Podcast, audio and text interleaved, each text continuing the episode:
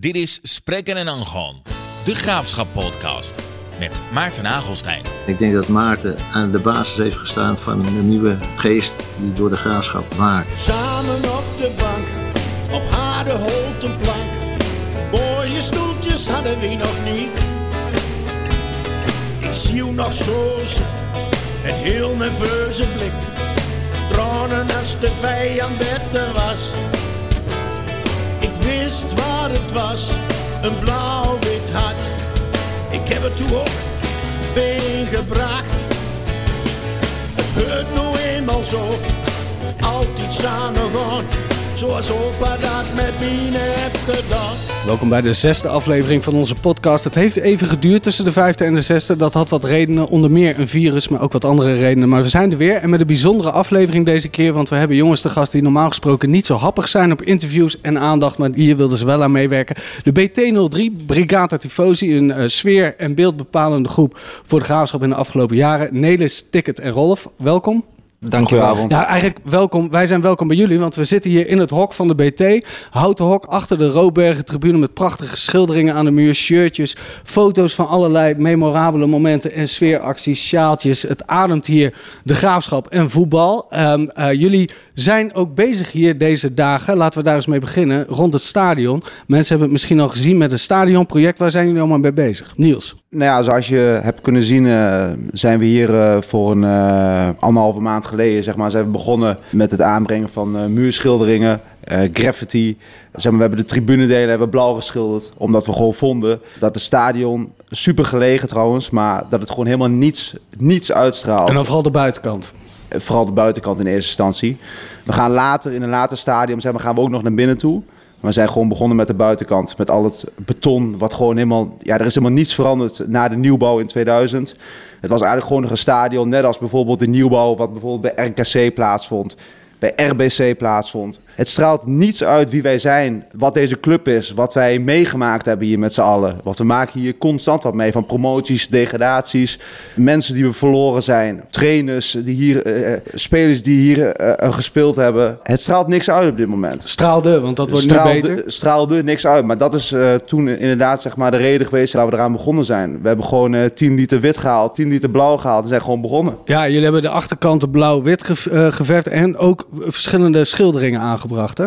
Ja, we zijn inderdaad begonnen gewoon met de basis, met de pilaren. Alles blauw-wit gemaakt. Maar ja, de club is uh, van niks. Dus die kwamen uh, op een gegeven moment langslopen en ja, dachten, wat er 100 liter op zitten. Toen kwam Hans Martijn met de hond langslopen over het vijverlaantje. Zag hij ons aan het werk. Ja, zo jongens, wat zijn jullie aan het doen? Ja, we zijn stadion aan het opknappen. Toen konden jullie niet meer euro verder, zeg maar. Nee, ja, goed. Op zich uh, super hoe dat zeg maar, nu gaat. Hoe dat uh, ondersteund wordt door de medesupporters. De gesprekken wat je aan de poort hebt met bijvoorbeeld mensen die gewoon bewust, gaat dat bewust naar het, het stadion komen. Ja, ja, er komen gewoon... Ja, zeg maar, op een zaterdag komen gewoon tientallen supporters komen gewoon langs, bewust naar het stadion. Op het fietsje, zeg maar, met de vrouw. Ja, zeg maar, de ene zeg maar, die geeft een bak bier door het hek heen. De andere die, die komt koeken brengen.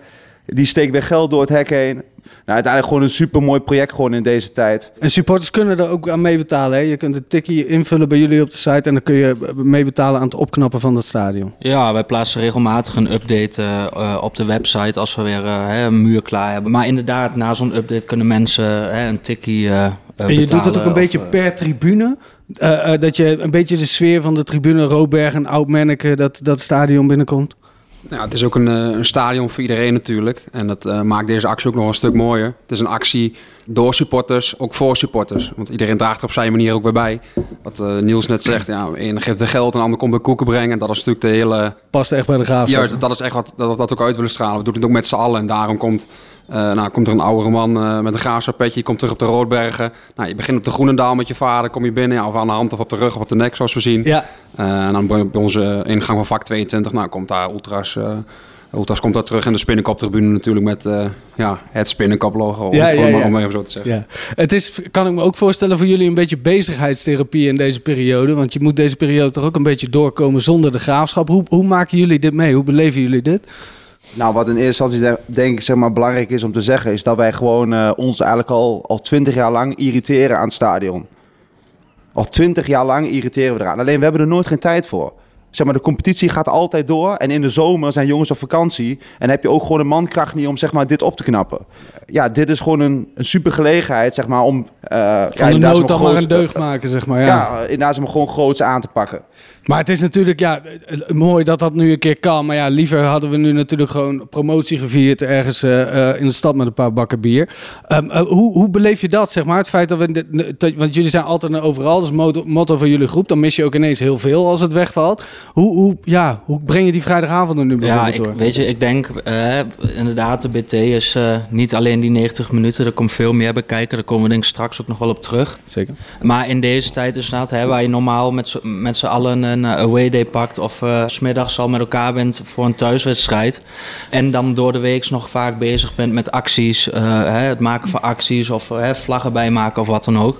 eh, is, het valt nu in één keer alles weg en is dit inderdaad voor ons ook gewoon een hele mooie tijd... om meerdere keren per week samen te zijn, elkaar te zien...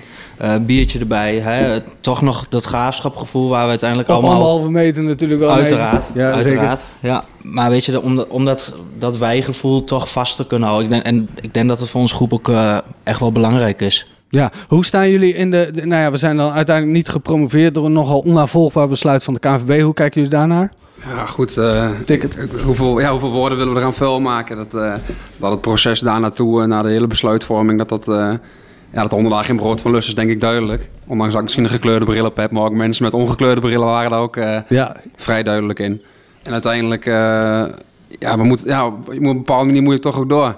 ja, Achterom kijken, dat zullen we ook nog even blijven doen en het zal altijd aan ons blijven kleven. Ja, ja, het is natuurlijk ook wel de, de, de tweede keer dat de bond ons niet echt eh, heel erg welgezind is, om het zo maar Ja, te dat is zeggen. een statement, denk ik. Ja. Ja, ja, dus dat, eh, dat eh, zijn vervelende dingen. Ehm, eh, nou ja, goed. Klote periode in, in, onze, in het bestaan van onze club. Een club die al 17 jaar de Brigata Tifosi kent, want eh, BT03 staat voor 2003. Toen waren jullie nog niet bij de BT betrokken. Hoe oud waren jullie eigenlijk ongeveer? In 2003 was ik een jaar of... eh, ik kom uit 92, eh, dus dat is een jaar of Elf. eh, elf jaar. Er waren nog kleurplaten in plaats van spandoeken. Maar Dennis van Amerongen, dat is een van de mannen die eh, ons altijd helpt met de opname van de podcast, de technische man. Die was in, op een avond in 2003 de oprichter, een van de oprichters van de BT. Eh, Dennis, kun je eens uitleggen hoe dat ging? Ja, hoe ging dat? Nou ja, eh, eigenlijk wisten we tot- ook totaal niet waar we aan begonnen. Maar we, we hadden op dat moment, eh Sjoerd en ik, we, we kwamen uit, het, eh, uit de tijd van, van de OSD en, eh en Fanzine eh, eh, Ultra destijds. Dat zal bij, de, bij de wat oudere supporters ongetwijfeld nog wel, wel bekend zijn. Maar ja, we, we vonden de sfeer in het stadion vonden we heel erg slecht. En dat was op dat moment ook, ook ja, een, een periode waarin in de sfeer gewoon wat, wat minder was. Nou ja, uiteindelijk namen wij als voorbeeld eigenlijk de acties die destijds in, eh, in Italië waren. Hè, de, de, het vlaggen zwaaien en dat, dat soort dingen. We hebben het opgericht. Ik weet nog, we waren in, in, in, in Paddy's eh, destijds. Daar kwamen we voor de wedstrijden. Eh, op een gegeven moment, ja, er moest een naam komen. Nou, ik weet nog dat de BT heeft uiteindelijk heeft één week Brigata Sportivo volgens mij geheten. Nou, wees in ieder geval heel blij dat het niet meer die naam heeft. Sjoerd had een logo gemaakt, weet ik ook nog.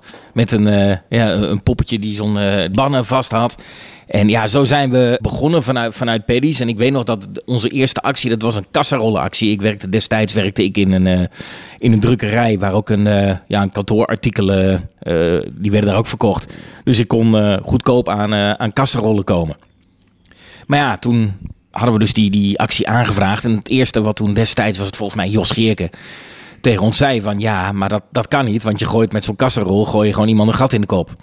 Dus wij moesten al die kasserollen moesten we eerst helemaal, en dat, dat zijn beste lappen kan ik je vertellen.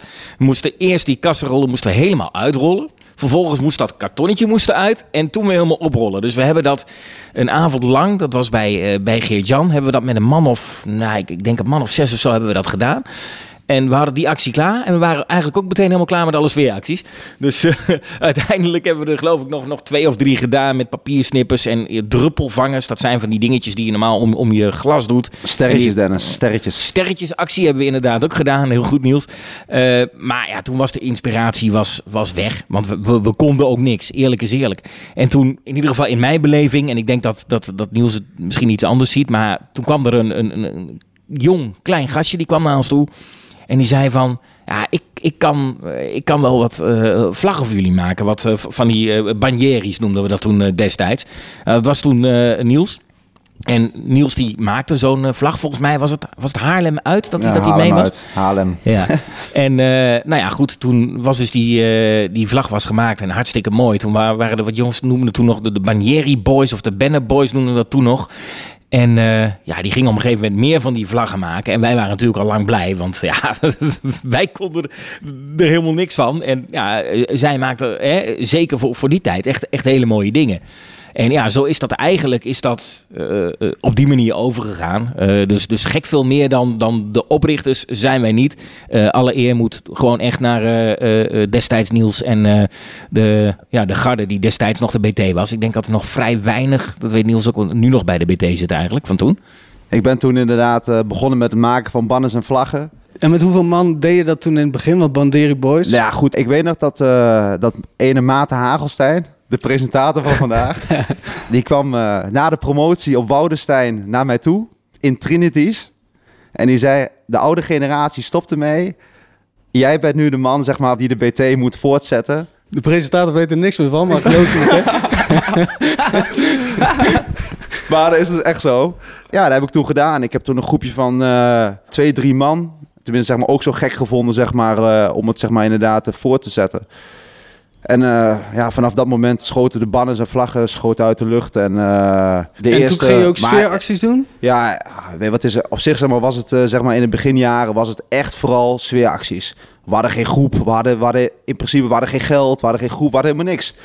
Dus het was eigenlijk alleen, eh, alles was gewoon gebaseerd op het ja, sfeeracties. En het, ik bedoel, dat waren geen sfeeracties zeg maar, zoals we dat nu doen door het hele stadion. Wat was dat dan wel? Ja, dat, dat was allemaal met heel goedkoop materiaal. Het waren eh, hele goedkope zeiltjes waar we letters op zetten. En zo zijn we inderdaad begonnen. Altijd op de vakken 15 en 16. eh, zeg maar, waar we nu bijvoorbeeld een heel uh, hijsysteem hebben. Ja, dat waren toen bijvoorbeeld touwen met, met bijvoorbeeld tape-rollen. Waar we over de boarding heen gooiden. En dan waren we dan de hele zaterdag met druk om acht touwen eroverheen te gooien. Dus eh, Wat was eigenlijk jullie eerste echte sfeeractie? Dat je zegt, ja, toen begon het een beetje de brigade zoals we het nu kennen. de aller, allereerste echte sfeeractie was misschien wel Cambuur.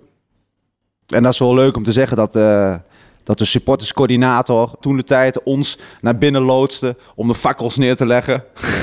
Kijk, toevallig dezelfde man die net eh, eh, toelicht hoe de oprichting van de Brigata Tifosi in zijn werk ging. Altijd pro pyro. Ik weet er echt serieus ook echt niks meer van. Echt niet. ja, Ze weten er allemaal niks meer van. Zou aan de leeftijd liggen. Het is ons allemaal ontschoten. Maar toen begon dat, die periode. En, en ja, dan ben je met 10, 15 man. En uitwedstrijden en dat soort dingen deed je dat ook samen. Eh, ik was sowieso al voor BT-tijdperk ging ik alles al. Het is echt eh, vanaf mijn eh 11e, 12e ga ik gewoon persoonlijk alles al. Eh, Zeg maar de oude generatie, voor ons dan de oude generatie, die had veel meer met de Engelse cultuur. Wat is dan de Engelse cultuur? Hoe zou je dat omschrijven? Ah, de Engelse cultuur is gewoon eh, geen verplichting wat betreft zingen. Want eh, sommige, sommige medesupporters, zeg maar, die bijvoorbeeld nu op de tribune staan, die, die zien onze cultuur zeg maar, als mee moeten doen. Altijd blijven gaan, weet je. En, en dat is, de, zeg maar, de Engelse cultuur is volgens mij is dat veel losser. Meer reactief zeg. Meer reactief op het wedstrijd, ja. En bij jullie is het gewoon 90 minuten gaan, ongeacht of er een ingooien of grote kans is. Nou, gewoon, gewoon... eh, Kijk, iedereen wordt geïnspireerd door hetgeen wat ze bijvoorbeeld zien op forums, op internet. En dat zal bij een volgende generatie, zal het ook het gewoon het geval zijn. Wij hebben dan misschien het, eh, in- inderdaad het meest met bijvoorbeeld deze cultuur. En misschien dat een andere generatie, een nieuwe generatie, misschien wel weer iets heeft, weet je wel, met de Surinaamse cultuur. Mhm. Ja, snap je wat ik bedoel? Dus op zich zal elke generatie het op een eigen manier doen. Ja. Ik vind persoonlijk de supporterscultuur op zich, vind ik op zich nog niet eens zo belangrijk. Wat ik veel, veel belangrijker vind, is dat het op een graafschapwaardige manier wordt ingevuld. Of je nou de Engelse cultuur hebt, of je nou de ultracultuur hebt. Alles kan op een graafschapwaardige manier gedaan worden. Alles. En leg eens uit wat voor jou graafschap waardig graafschapwaardig is oog voor historie. Weet waar je voor staat. Weet wie de belangrijke personen eh, waren, zijn. Uiteindelijk maar, moet je de club gewoon kennen. Je moet de club gewoon kennen. En niet alleen de club kennen in die tijd dat je zelf gaat. Je moet je erin verdiepen in wat er voor jouw geboorte heeft afgespeeld. Vanaf het begin. Als je dat niet weet, kun je dat ook niet op een goede manier invullen. Het is super belangrijk dat je bijvoorbeeld eh, weet dat als een kappertje overlijdt, dat die gewoon belangrijk geweest is. Ook al hebben wij dat zelf gewoon niet meegemaakt. Ja. Als jij een actie doet van 65 jaar de graafschap, dan moet je gewoon weten wie je erop moet zetten. Of wat voor moment je erop moet zetten. Dat is essentieel, want je vult het in voor elke supporter. Het is niet alleen voor ons, het is voor iedereen. Alles wat we doen is voor iedereen. Mhm. Iedereen moet daar gewoon een goed gevoel aan overhouden. Dat is denk ik ook wel een beetje wat je nu terugziet in het stadionproject, waar we dat ook gewoon weer proberen hè, eh, te behalen. Weet je, dat iedereen, iedere supporter zich in principe herkent bijvoorbeeld in de muurschilderingen die hij ziet. Ondanks dat de heen. beleving misschien wel wat anders is per supporter, is dat gedeelde gevoel en die gedeelde historie hetzelfde eigenlijk. Juist, Ja. weet je, en dat zie je al in Groenendaal terug, eh, met, een, met een vader die een zoontje op de nek heeft. Dat zie je bij de Spinnenkop terug, waar de oude Spinnenkop-tribune is afgebeeld. Weet je, zo zal iedereen zich, als hij er langs loopt, zich kunnen herkennen. En ik denk dat het ook wel overeenkomt in wie wij zijn en wat we inderdaad proberen te, eh, na te streven. Ja, sfeeracties zijn er natuurlijk in ieder geval een middel in waar jullie ook meest bekend mee zijn geworden. Kun je nog eens uitleggen hoe dat dan zich verder heeft ontwikkeld? Want dat begon dan met b- banners en, en gewoon eh, wat knullige, misschien eh, zeker in vergelijking met nu sfeeracties. Maar hoe heeft zich dat ontwikkeld? Eh, nou ja, goed. eh, we hebben op een gegeven moment zie je gewoon dat de acties gewoon eh, steeds groter worden. Dat ze steeds beter worden. Qua, dat ze steeds meer detail hebben. Dat er op een gegeven moment bewegende delen in komen. Uiteindelijk zoek je zelf ook gewoon die uitdaging op. Om telkens ook weer iets nieuws te doen. het moet en- steeds groter. Het moet steeds beter. Het moet... Ja, alles wat je doet, zeg maar, is ervoor zeg maar, om je club op de kaart te zetten. En ja, sorry, maar de spelers kunnen nog geen bal over drie meter naar elkaar spelen. Dus het publiek moet het maar hier doen. Wij, zeg maar, met z'n allen moeten het doen. Uiteindelijk ben je ook gewoon verplicht om een actie te doen door het hele stadion. Als jij iedereen erbij wilt betrekken, als jij iedereen eh, dat geen wil laten voelen, zeg maar wat wij voelen en wat er nodig is om zo'n wedstrijd te winnen. Mhm.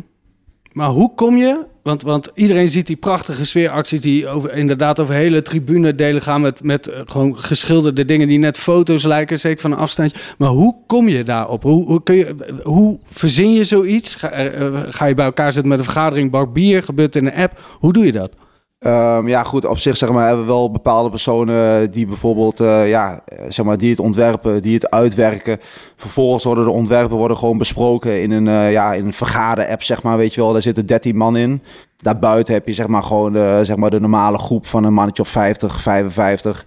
Maar die 13 man, die, ja, die beslissen dat echt, zeg maar, eh, ja, zeg maar wat er bij een bepaalde Is dat ook een beetje de oudere garde dan? Of, of...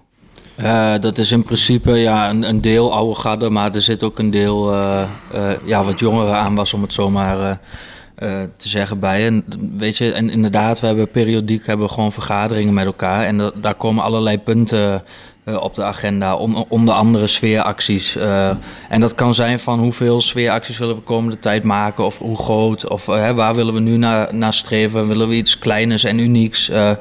Weet je, maar ook andere dingen zoals away days. Of, en, ja, dat doen we in die vaste samenstelling periodiek. Ik kan me ook wel voorstellen dat dat het een beetje overzichtelijk houdt. Als je met 55 man de hele tijd elk besluit, elk klein besluit ook moet gaan nemen, dan wordt het misschien wat uitgebreid allemaal. Ja, ik wou nog even terugkomen op het, eh, wat Niels net zei, van dat alles eigenlijk de club uit moet stralen en moet ervoor moet zorgen dat de club beter op de kaart wordt gezet.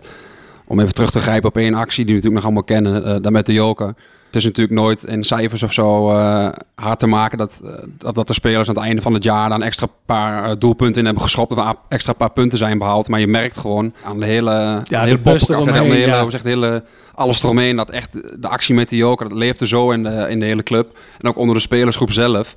Eh, dat dat echt nog een extra steuntje in de rug heeft gegeven. En dat is, ja, dat is natuurlijk wel echt gekeken. Dat je Ja, je dat moet in echt zo'n nacompetitie juist een beetje een sfeertje creëren wat iets aparts en unieks. En daar past dit natuurlijk perfect bij. Dat, was, dat, dat past perfect bij een beetje de nacompetitie-achtige sfeer die je moet hebben. Zeker. En je hebt natuurlijk een, eh ja, een verhaallijn in gedachten. Je begint aan de play-offs en je wil natuurlijk als winnaar eindigen. En nou, ook het verloop van die wedstrijden, dat was natuurlijk zodanig kicken. Dat het uiteindelijk gewoon een, een zwaar mooi verhaal is geworden uiteindelijk. Ja, ja, het zal maar zo zijn dat het uiteindelijk niet lukt. Dan, eh, dan valt dat misschien ook een beetje weg. Maar nu was het ook extra tof. Ja, maar bij clubs dat, of zeg maar bij een club als de Raad is het natuurlijk meer, meer geluk dan wijsheid natuurlijk. Ja, Ik voor hetzelfde waren bij Telstar waren we wel kansloos geweest. nou, al die vier wedstrijden waren niet zeker. Ja, precies. En dan kun je bijvoorbeeld eh, zeg maar nog allerlei dingen uitgedacht hebben. Maar dan kan er gewoon de prullenbak in. Ja, uiteindelijk moet je ook gewoon soms wel een beetje geluk mee hebben, weet je wel. Dat, ja, dat als je bijvoorbeeld zo'n actie doet met bijvoorbeeld deurdonderen... dat je bijvoorbeeld de week daarvoor met 5-0 bij Jong Ajax wint. Inderdaad, maar als dat, als dat inderdaad gewoon niet gebeurt, dan kan heel deur donderen. Ja, die kun je in de kast leggen, die kun je bewaren. Heb je daar ook voorbeelden van, van dat het wel eens zo was dat je iets heel groots hebt bedacht, maar dat dat toch door omstandigheden dan niet helemaal... Ja, bijvoorbeeld 65 jaar de graafschap bijvoorbeeld inderdaad waar de verf dan vanaf gaat, weet je wel, die je dan bijvoorbeeld later moet doen. Ja, dat is gewoon echt zwaar, zwaar, ja, dat zwaar dat doe kloten. ik, daar ging de verf vanaf, toch? Dat ja, was een- ja, daar ging de verf vanaf. En dan, eh, ja, dan rol je hem gewoon één dag zeg maar, voor de wedstrijd rol je hem uit. Vierkante meters verf of zo, zeg maar, zie je aan elkaar kleven. En dan, eh, dan denk je wel echt van, eh, ja, echt kloten. Want uiteindelijk zeg maar, werk je gewoon inderdaad zeg maar, naar zo'n datum toe. Ja, en dat gaat dan gewoon niet lukken. Ik bedoel, en al helemaal zeg maar, met een verjaardag van een club. Uiteindelijk kan dat gewoon niet, weet je. Uiteindelijk moet het op die datum, moet het gewoon klaar zijn, moet het perfect zijn, moet het gewoon gebeuren. Ja, en dan, eh, ja, dan eh, trek je vierkante meters verf eraf. eh, ja, uiteindelijk zeg maar, liggen natuurlijk ook gaan, we hebben gewoon aan ons, omdat wij gewoon ja, de acties zeg maar, proberen met zo goedkoop mogelijk materiaal te maken. Ja, soms gokken we op dingen, weet je wel, wat eigenlijk ook gewoon niet kan.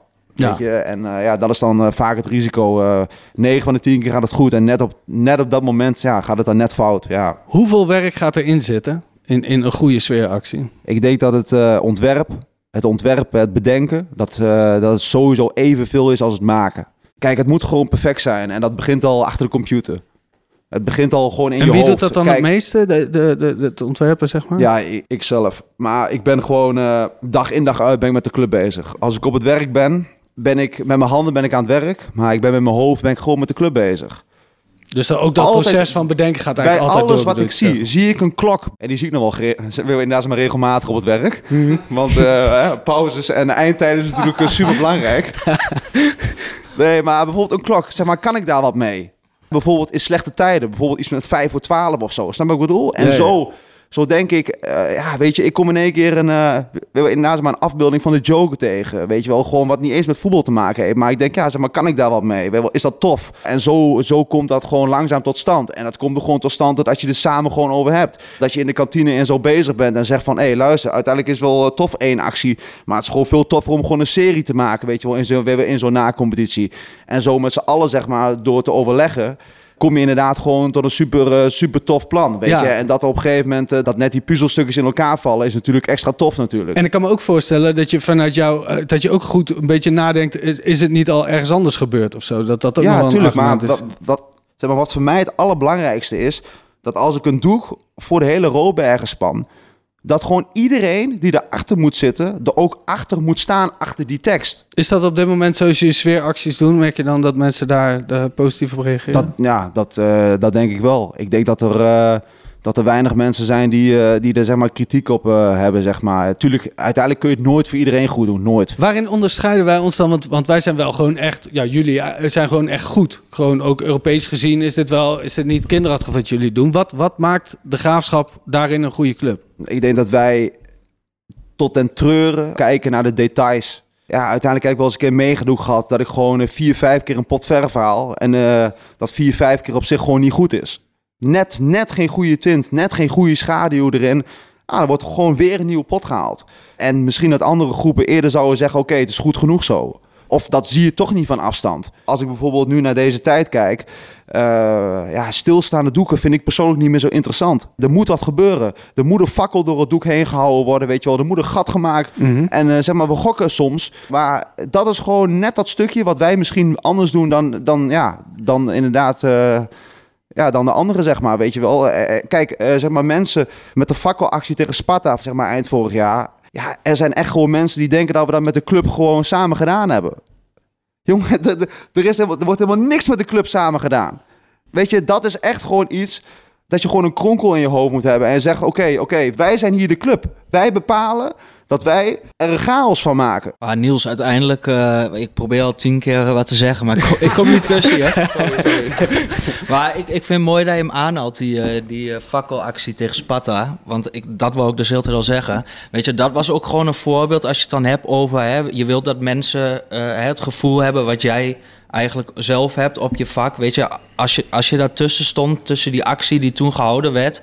en je stond tussen al die mensen, dan voel je gewoon... iedereen werd gewoon helemaal dol in dat stadion... van die adrenaline die hè, loskwam bij die actie. En je merkt dat, weet je, dat, dat geeft zo'n opzweving. Dat probeer je over te dragen op die spelers. Maar weet je, je er staan gewoon mensen om je heen... eh, die, die hè, met de klomp, bij wijze van spreken, nog even de fakkel uittrappen... of, of met een biertje, weet je wel. eh, hè, even de fakkel doven die nog nabrandt. Eh, ja, weet je, dat zijn gewoon dingen. Dan, dan voel je ook gewoon van, weet je, dit doen we samen. Dit, weet je, dat vond ik ook echt wel gewoon... dat is denk ik ook wel uniek. Dat gebeurt hier bij de Graafschap. Dat doen we gewoon inderdaad. En Ja. daar moet je ook gewoon scheid voor hebben. Ook qua Soms. grootte was dat wel echt gigantisch. En gewoon door het hele stadion fakkels en doeken en alles. Gewoon- Vlaggen, dat was echt... eh, Nou goed, het uiteindelijke doel was natuurlijk om tegen eh, Sparta het Eredivisieschap eh, veilig te stellen. Of in ieder geval te behouden.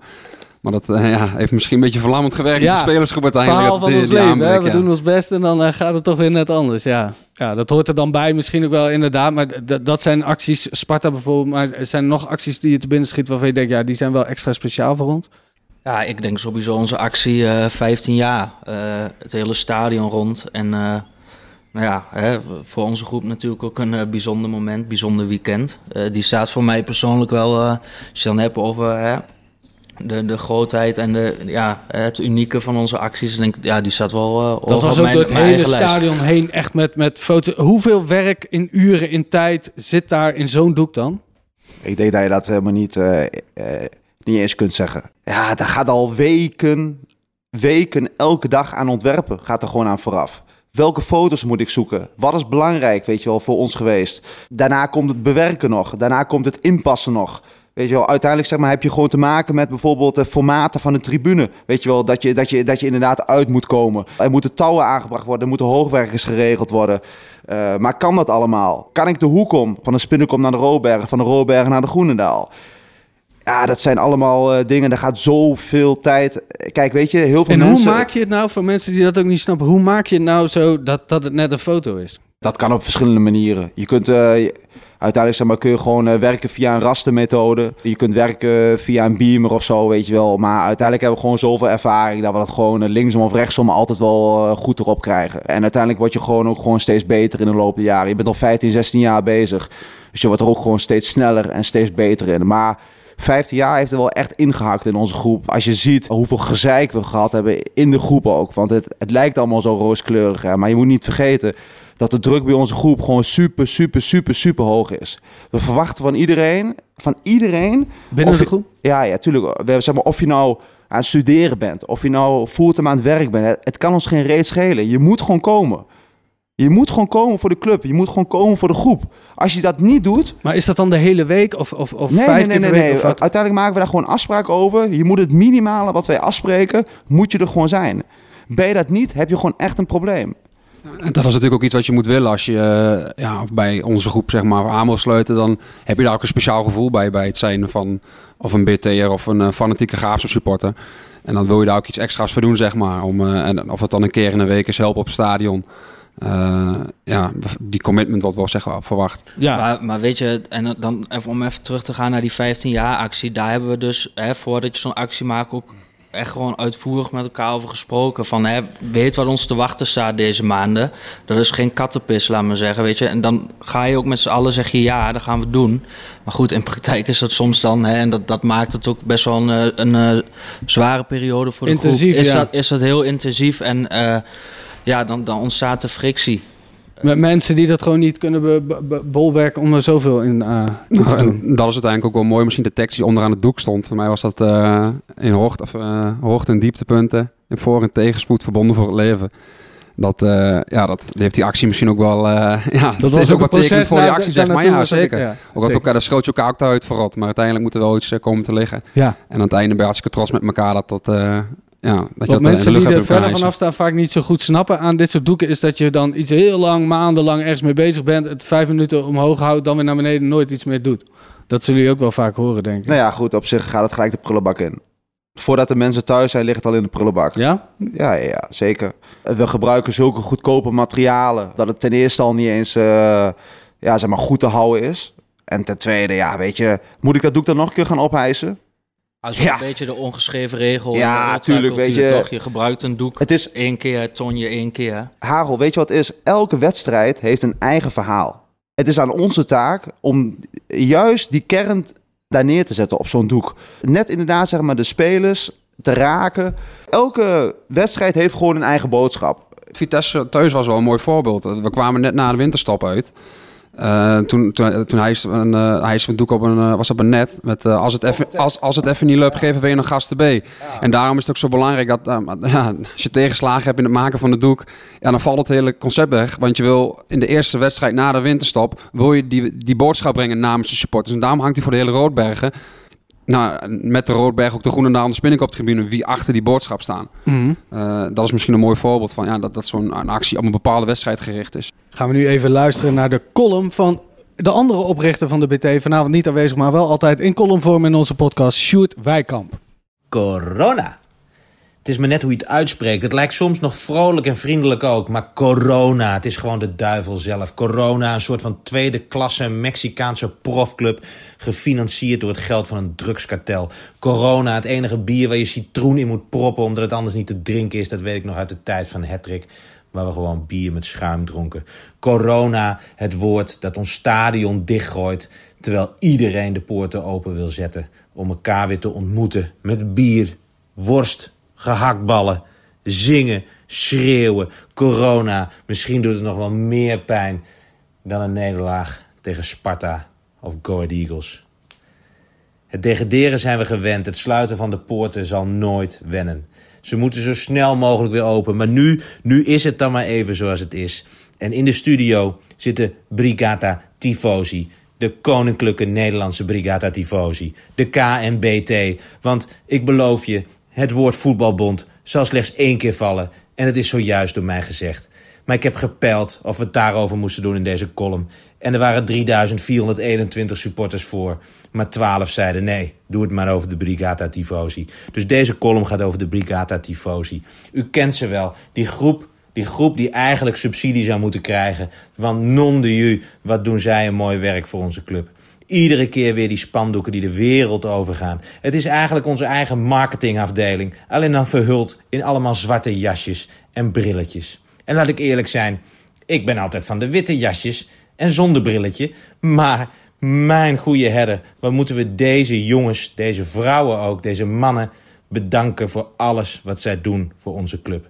Ze willen dat niet. Ze willen niet bedankt worden, want de club is hun leven. En hoe kun je nou iemand bedanken voor hun leven? Ja, dat doe je als je er niet meer bent. Maar het wordt tijd dat we dat doen als we er nog wel zijn. Want nu we stil liggen, nu het stadion dicht zit, rijdt er iedere dag een stijger een metertje bij een metertje verder, omdat die Brigata Tifosi het hele stadion aan het schilderen is. En dan bedoel ik niet even een laf stukje blauw-wit verven. Nee, de prachtigste muurschilderingen worden getoverd op de grijze muren van de Vijverberg. En ja, ik weet het. Dennis van Amerongen, inmiddels slow, supporters Laison officer en Sjoerd Wijkamp, inmiddels omhoog gevallen naar het plakkende plus van de RVC. Begonnen ooit met de Brigata Sportivo. Als je het googelt vind je misschien nog wel een totaal mislukt logo en afbeelding. We haalden wat snippers bij de papierfabriek, maar meer dan dat werd het niet. En wat waren we blij dat Nelis, toen nog zonder G op zijn rug, zei: Mag ik erbij? En toen zeiden we meteen: Ach joh, neem het maar over. Wisten wij veel dat dit eruit voort zou komen. Wat heb ik een oneindig veel respect voor die jongens. En ja, ook wij zijn wel eens gebotst. Ik zie mezelf nog staan met een paar biertjes te veel op in het uitvak van Volendam. Met wat oud-spelers. En ik zag die vlaggen heen en weer gaan. Ik zei, jongens, flikker nou eens op met die vlag. En ik kreeg hem toch even van voren. En ik snap het. Ik snap het. Ik moet mijn excuus aanbieden bij deze. Er is plek genoeg in dat uitvak. Zij staan er altijd. Die vlaggen horen erbij. Wij gaan er wel naast staan als we de wedstrijd willen zien. Maar steeds meer mensen sluiten zich aan bij de blinde passie, de blinde overgave om onze club te steunen. En dat gun ik iedereen. En ooit, ooit zal de Brigata Tifosi zelf het ook prachtig vinden dat die 12.000 anderen het mooi vinden wat ze doen. Want ooit zeiden ze: dat maakt ons eigenlijk niet uit. We doen wat we zelf willen. Maar deze club biedt iedere supporter de ruimte om de club te beleven en te ondersteunen zoals ze allemaal zelf willen. Maar wat is het mooi dat een inzameling inmiddels bijna 30.000 euro oplevert. En ieder doek dat weer naar beneden zakt, ieder moment van geluk, van trots, van passie, een applaus krijgt. Van de Spinnenkop, van Roodbergen, van Groenendaal en van de hoofdtribune. Ik neem mijn pet heel diep af voor de Brigata Tifosi. Op naar nog vele, vele jaren. Jongens, eh, eh, pyro, fakkels en dat soort dingen zijn bij jullie ook eh, in jullie beleving ook belangrijk. Bijvoorbeeld bij Sparta ook het hele stadion vol fakkels. Dat kost de club ook geld. Klopt. eh, ja, dat, eh, je doet natuurlijk op die 15.000 euro. Uiteindelijk is dat een kant van de medaille, dan misschien de negatieve kant. Maar de andere kant van de medaille is ook eh, dat de graafschap daar eh, voor alle sfeeracties met of zonder pyro eh, krijgt ook een bepaalde namensbekendheid zeg maar, voor terug. En dat is ook niet uit te drukken, denk ik, in, ja, in, in cijfers. Dat, ik denk dat het nog wel iets hoger oploopt uiteindelijk, ondanks dat je dat niet hard kan maken. En uiteindelijk is die boete van 15.000 euro ook door supporters zelf ook bekostigd. Eh, volgens mij ging het een actie, eh, volgens mij hebben ze eh, nog een, een, link op de website gezet van hey, jongens, geef daar geld voor. En de oldies hebben daar volgens mij nog eh, een sjaaltjesactie of zo voor georganiseerd om samen eh, met z'n allen dat ook te bekostigen. Dus de graafschap krijgt daar eh, ja, ook wel heel, heel iets moois voor terug, denk ik. Er zit natuurlijk wel een spanningsveld. Want niet iedereen bij de club zal zeggen... nou ja, da- daar zijn we blij mee als er 15.000 euro op de, op de mat ploft. Dat je dat moet aftikken. Ik denk dat het spanningsveld eigenlijk wel meevalt. Ik denk dat het spanningsveld eh, vooral in de media gecreëerd wordt. Eh, de club naar ons is eh, vrij mild wat dat betreft. Omdat de club natuurlijk ook ziet dat het natuurlijk gewoon pure reclame is voor de club. Die beelden zeg maar, gaan heel het land door. Die beelden gaan misschien wel zeg maar, de landsgrenzen over. Het is, zeg maar, de beelden bijvoorbeeld van Sparta thuis is zo on-Nederlands wat dat betreft. En toch, zeg maar, flikken we dat gewoon met z'n allen. Ook nog gewoon op een veilige manier. Doordachte manier. Goed georganiseerde manier. En eh, ik denk dat de club dat echt wel eh, kan waarderen. En natuurlijk moeten ze 15.000 euro betalen. Maar als je ziet wat het oplevert, eh, sowieso een sfeeractie in het algemeen. Als je ziet hoe de club Ja, hoe dat de club... daarmee omgaat met promotie, met binnenhalen van sponsoren, met, het, met de aanschaf van seizoenkaarten. Weet je wel, uiteindelijk kun je geen krant openen of zo, of er staat geen foto van een actie in. Uiteindelijk is het ook gewoon een beetje. Het is gewoon het risico ervan, zeg maar. Uiteindelijk, zeg maar, eh, ja, zeg maar aan de ene kant zeg maar, betaal je 15.000 euro, maar misschien dat je wel, eh één, weer wel één sponsor ervoor terugkrijgt en die betaalt alleen al 20.000 euro. maar waarom is dan pyro zo belangrijk? Waarom zou je niet kunnen zeggen dat laten we achterwege? Nee, maar Pyro is niet zo heel belangrijk. Wel dat je, Eh, omdat je het altijd doet, toch? Nee, we- zeker vaak. niet. Uiteindelijk zeg maar, doen we het zeker niet altijd. Wij kiezen onze momenten. Het is niet zo dat er elke wedstrijd maar één fakkel wordt afgestoken of twee of drie. We doen het niet altijd. Wij kiezen duidelijk onze momenten. Ja, en dan kiezen we twee, drie momenten voor in het jaar. En dan gaan we ook helemaal los. Dan doen we het ook gewoon super en dan doen we het ook gewoon groots. Als ik terugkijk op 17 jaar BT, 16, 17 jaar BT... eh, en ik moet de mooiste actie... eh, kijk, een sfeeractie, dat is er eigenlijk om... eh, sfeer, dat is eigenlijk gewoon bedoeld als een sfeerverhogend iets. Het, het is eigenlijk gewoon, zeg maar, wat er tijdens de wedstrijd gebeurt, is eigenlijk gewoon veel belangrijker dan de actie op zich. Het is bedoeld als sfeerverhogende actie. Als je ziet hoe de mensen, ja, van, van kinderen tot opa's, reageerden op die actie van tegen Sparta. Ik sta dan op het veld. Ja, en ik zie in de commandokamer zie ik die gasten met, met, met, een, met een verrekijker, zie ik ze zeg maar het veld opkijken. Dan heb ik gewoon soms gewoon medelijden met ze. Want ik weet gewoon op het moment dat ik nu mijn arm van boven naar beneden doe, dat er gewoon eh, honderden fakkels aangaan. Weet je wel, daar heb ik soms echt, inderdaad, merk ik er wel eens medelijden mee. Want ze weten het gewoon echt niet. Ze weten het echt niet. Dat meen ik. Ze zien het niet van tevoren aankomen. Het is echt niet zo dat de club daarvan af weet. Maar het is de reactie van de mensen. Dat was zo uniek wat dat betreft. Weet je, dat je eigenlijk gewoon niet kon verliezen. En ja, dat is dan weer de gaas, maar ze alsnog Dat presteren. alsnog gebeurt zeg maar. En dat is dan ook niet dat het ten pas en te onpas wordt gebruikt. Het brengt ook daadwerkelijk iets extra's, denk ik. Nou, met Sparta inderdaad moesten we... Ja, hadden we een heksenkeert nodig. En als ik denk aan eh, bijvoorbeeld in Almere... I'm a Agent of Chaos, de actie met de joker. Nee, we, we, we, we pretendeerden chaos te maken en het werd chaos. En als ik even terugdenk, eh, indrukwekkend natuurlijk bij NEC in het uitvak. Het was toen actueel met, eh, ja, met uitspraken van Michael van Praag in, eh, was het toch Azerbeidzjan of zo waar hij zat. Ja. Ja, daar werd op deze manier eh, ja, reactie op gegeven, zeg maar. Dus het moet ook wel iets toevoegen. Het is niet dat we zomaar even ja, een fakkeltje aansteken of een rookbom afsteken. Ik moet wel eerlijk zeggen, ehm, ehm, waar we wel echt gewoon tegen zijn. Ik vind bijvoorbeeld, zoals het bijvoorbeeld bij Cambuur uitgebeurde voor een aantal jaar geleden, dat er echt gewoon knalvuurwerk richting grensrechten wordt gegooid. Dan breng je de club gewoon echt, echt, echt in de problemen. Want uiteindelijk heb je gewoon een live uitzending. Daar weet je wel, die wedstrijd wordt stilgelegd. En dan is het gewoon vragen om problemen. Maar Hou je dat ook bij je groep, zeg maar? eh, Dat lijkt me ook dat je elkaar daar dan ook op moet controleren, toch? Ja, maar dat is hetzelfde als met, eh, hè, jij zegt dan knalvuur, maar hetzelfde met fakkels op het veld gooien. Dat is ook gewoon voor ons, eh, eh, dat, dat, is- daar zijn we wel echt, eh, scherp op naar elkaar. Van weet je, niet doen.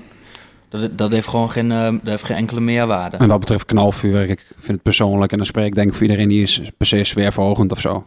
Het is even misschien, hey, maar dat, daar blijft het ook bij. ja. Eh, knalvuurwerk vind ik gewoon echt gewoon gevaarlijk. En helemaal als je het in een vak doet, weet je. Ik heb bijvoorbeeld bij Volendam meegemaakt, weet je wel, dat er bijvoorbeeld een vlinder werd afgestoken in een vak. En dan een medesupporter gewoon, zeg maar, inderdaad, zeg maar, met, eh, met, eh, met de ambulance gewoon weg, eh, weg kan en daardoor de promotie mist. Ja, ik vind, ik vind nergens naar lijken als ik eerlijk ben. Er is wel echt een duidelijk verschil tussen vuurwerk en vuurwerk. Als je bijvoorbeeld eh, Sparta ziet, als je ziet hoe goed georganiseerd dat is. Dat gewoon 130 mensen precies doen wat wij op dat moment willen. Precies.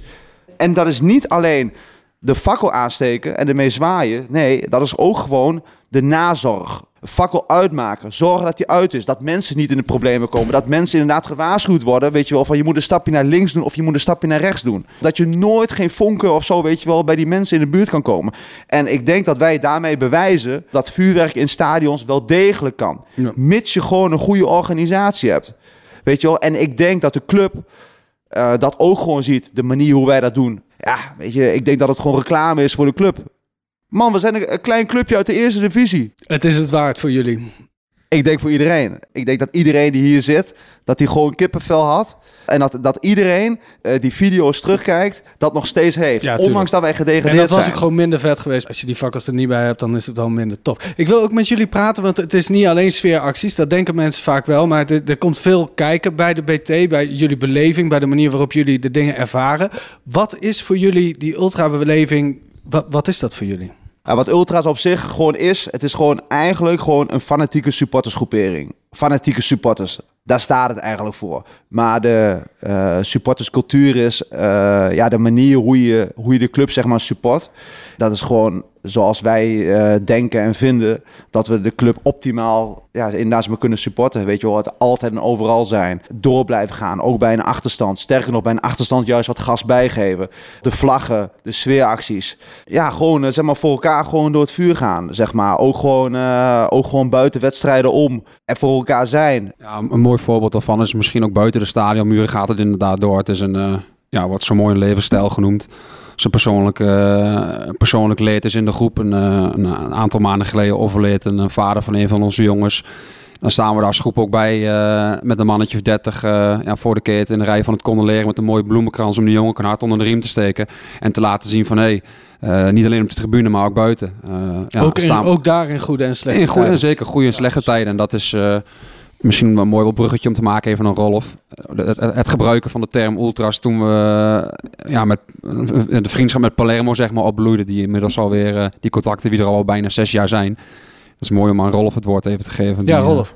Ja, inderdaad. eh, nou ja, sowieso in de ultracultuur komt het er regelmatig voor eh, dat er eh, vriendschappen zijn eh, met groepen. En bij ons is eh, een van die vriendschappen is de vriendschap met eh, Palermo, de jongens uit eh, het zuiden van Italië, Sicilië. Ik eh, ben daar eh, destijds, eh, inmiddels al een jaar of zeven, acht geleden, ben ik daarheen gegaan voor een stage van mij, vanuit mijn studie aan het Graafschap College. En nou ja, ik ben daar terechtgekomen en eh, nou, met een aantal jongens van mijn generatie binnen de BT waren we eigenlijk al, hè, hadden we als hobby om hè, te groundhoppen noemen ze het dan. Dus eigenlijk Voetbalstadions bezoeken, ja, wedstrijden, wedstrijden bezoeken. en vooral voetbalcultuur in het buitenland bekijken. Nou ja, in, in die hoedanigheid, eh, toen ik in Palermo woonde, zag ik al vrij snel dat daar een eh, club speelt natuurlijk. Palermo, roze-zwart. Destijds in de Serie B. En ik eh, ja, dacht van, hè, dit is een mooie manier om ook mijn eerste vink, zoals ze het zo mooi noemen, in Italië te zetten. Dus ik ga een wedstrijdje bezoeken. Nou, één wedstrijdje werden natuurlijk al gauw eh, meerdere. Ik maakte wat filmpjes van de curva, want in principe, ja, hè, het voetbal interesseert mij persoonlijk niet zo heel veel. Wij gaan toch vooral voor alles wat daar omheen zit. eh, als we een wedstrijd in het buitenland bekijken. Dus mijn eh, ogen waren eigenlijk alleen maar gericht op de curva, zoals ze zo mooi noemen, hè, waar de ultra's in Italië staan. Ja, en die filmpjes zette ik online en dat werd al wat opgemerkt. En uiteindelijk hè, met familie een keer een dagje naar de Etna bij Catania. En, eh, de vulkaan natuurlijk, een, een van de toeristische attracties op het eiland. En daar natuurlijk, hè, stadionnetje kijken, het stadion van Catania bekijken. Nou, toen nog niet helemaal weten hoe de rivaliteit tussen Palermo en Catania was. Ik eh, met mijn Palermo trainingspak weliswaar, want die had ik al ingeslagen. Daar het stadion in, eh fotootje maken, voor mijn mapje met de groundtop foto's. En weer weg. Nou, die foto zet ik op Facebook. En eh, nou, ik denk echt, dat is niet overdreven, binnen een uur of twee, drie had ik 200 vriendschapsverzoeken op Facebook van allerlei Italianen. En eh, kreeg meerdere berichtjes van, hey, kom eens een keer een wedstrijd bij ons staan. Eh, en daar zat één jongen bij, die sprak goed Engels. Ik kon toen nog geen Italiaans. En nou ja, die nodigde me uit. Nou ja, volgende thuiswedstrijd, Serie B. En met uh, die jongens op stap gaan. En dat is eigenlijk een beetje gaan groeien. Kreeg er ook een beetje naam, hè, want ja, die vreemde Nederlander die uh, uit de achterhoek. Daar je wel op, ja. die, die daar rondloopt in Palermo en iedere keer er maar weer is en helemaal gek is daar op die curva. Nou ja, weet je, hè, die jongens kwamen een keer langs. Die wou natuurlijk ook dat beleven en hè, mijn bezoek brengen, want ik zat daar een half jaar.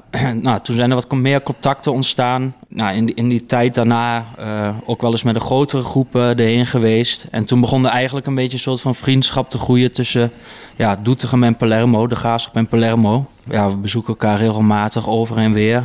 En eigenlijk vanaf het moment dat we ook hè, in Palermo bevriend raakten, werd de term ultra's kwam een beetje wat meer tot leven. Hè? Want de ultracultuur is natuurlijk, hoewel die in Kroatië is begonnen, is die in uh, Italië in de jaren 60 echt gaan groeien. Op het moment dat de ticketprijzen en zo daar lager werden, kwamen er steeds meer mensen naar het stadion. Nou, dat is toen overgewaaid in de rest van Europa, maar... Uh, ja, weet je, uiteindelijk zijn ze die term dus, dat, dat zit gewoon in de voetbalcultuur van Italië verweven. Die zijn ze vrij snel bij ons gaan associëren, laat maar zeggen. En als wij daar aankwamen lopen was het, hey, ultra's en uh, Hollandesi. En uh, ja, weet je, en uiteindelijk um, ja, kwamen ze eigenlijk hier. Um, uh, voor Fortuna zit dat uit, met een beste groep ook. geweldig weekend overigens. En dat tekent ook wel onze vriendschap en hoe het in onze groep gaat. Weet je, wij, die jongens komen hier en we zorgen er als groep voor dat we zorg dragen voor die groep. We regelen slaapplekken, we vullen de koekkasten. Jongens nemen vrij om ze op te halen op het vliegveld in Duitsland.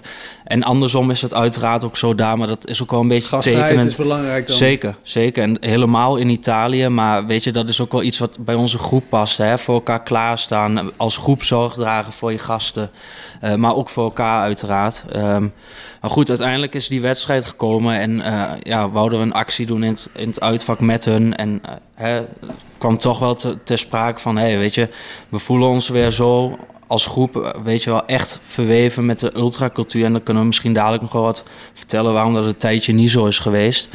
Um, maar weet je, alles wat bij ons leven ademt ultra's. En weet je, misschien hoe symbolisch ook, dat, omdat het in Italië is ontstaan, hebben we met die, uh, in die uitwedstrijd uh, uh, bij Fortuna met Palermo weer voor het eerst eigenlijk echt de term ultra's gebruikt. Waarom hebben jullie de term ultra dan een tijdje niet gebruikt? Ja, in de beginjaren van de BT hebben wij, hebben wij die term inderdaad wel gebruikt. Ehm, dat was eigenlijk gewoon misplaatst en niet goed, omdat we op dat moment eigenlijk helemaal geen groep hadden. En ja, die jongens uit Amsterdam, we gingen op een gegeven moment naar Ajax toe. Ja, die hebben ons er eigenlijk een beetje erop ja, ja, zeg maar geattendeerd en zo. Weet je wel, dat wij dat eigenlijk gewoon niet eens waard waren, zeg maar.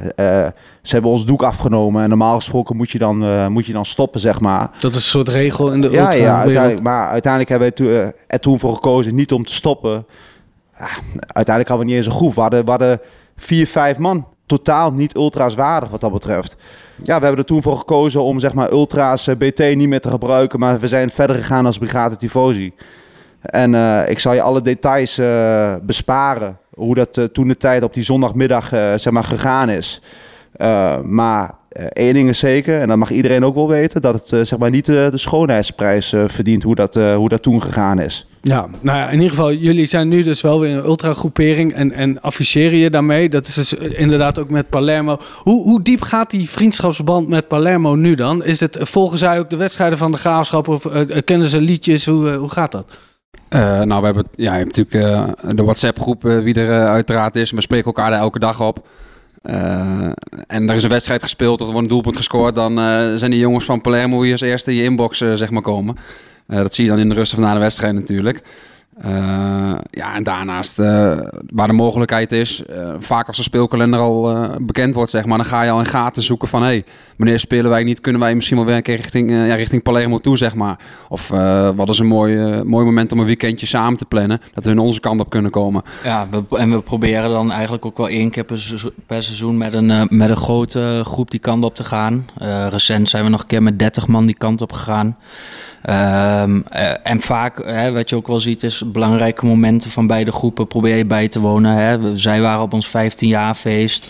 Eh, zij waren met, ons eh, jaarlijkse weekendje weg. Met de groep waren ze bij. Andersom bezoeken we hun feest eh, met, met een aantal jongens van, vanuit ons. Dus hè, die momenten probeer je ook wel bij elkaar te zijn. Dus dat, ik denk dat het ook wel wat tekenend is voor de vriendschap. En daarnaast is het gewoon super relaxed om daar eens in zoveel tijd met een eh, paar gasten heen te Het is geen gaan. vervelende omgeving ook, Het toch? is zeker geen vervelende omgeving, nee.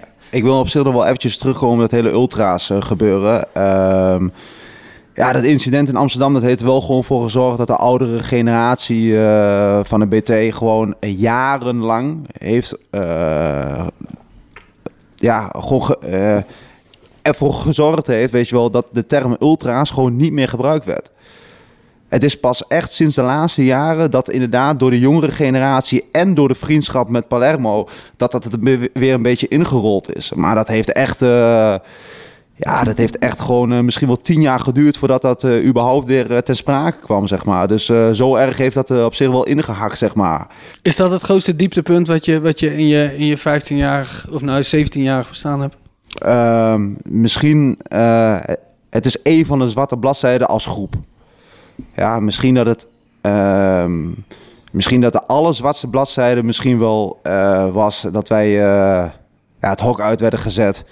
Dat wij het eh, stadion uitgebonjourd In de periode dat de verhoudingen tussen supporters en club wat eh, overhoop lagen, mogen we wel zeggen. In de periode dat, eh dat eh, Clemens Ros eh, voorzitter was. Ja, ja, in de tijd van eh, Clemens Ros en dat wij eh, de krachten bundelden met alle andere groepen. Dat de revolutie op een gegeven moment tot stand kwam. Dat we in zaten met z'n allen, weet je. En dat we op een gegeven moment eh, zeiden tegen elkaar van oké, en nu accepteren we niet langer. Wat was toen voor jullie als groep het grootste probleem in die periode? Het grootste probleem was eh, dat wij met z'n allen afspraken maakten. De, zeg maar, de revolutie bestond uit 20 man. BT was twee man. Dus 10% van de revolutie bestond uit BT-leden. We maakten in de revolutie afspraken met elkaar. Wij zouden bijvoorbeeld zorg dragen voor de doeken, maar we zouden de doeken met z'n allen tonen. Ja, wij zaten toen een tijd in vak 31 en ehm, we hadden een minuut afgesproken dat iedereen gewoon van de tribune naar beneden zou komen. Niemand kwam, alleen wij. Dus dat zorgde er op een gegeven moment voor dat wij gewoon volle, eh, Tegen Sparta. eh, vol aangekeken werden voor hetgeen wat er toen op dat moment getoond werd. een het de doek tegen, terwijl tegen het de bedoeling was, terwijl het de ja. bedoeling was dat er eh, van alle geledingen supporters naar beneden zouden komen. Dat, dat ehm, ehm, ja, weet je, inderdaad, inderdaad ook dat bijvoorbeeld Jantje met de pet zeg maar, naar beneden zou komen om dat doek vast te houden. Dat we dat, dat, we dat steben met z'n allen gewoon zouden maken. Ja, toen hielden wij met onze, ja, met, ja, zeg maar, met onze eigen groep hielden we dat doek omhoog. En we kregen gewoon de volle bak eh, kritiek eh, zeg maar, van iedereen over ons heen. En eh, ja, toen op een gegeven moment werd ons vak gesloten. Door Vak de club. 31 hebben jullie toen een tijd gehad. Dat was, Ah, het was maar vier wedstrijden. Het was maar vier wedstrijden. We gingen daar gewoon vol goede moed naartoe.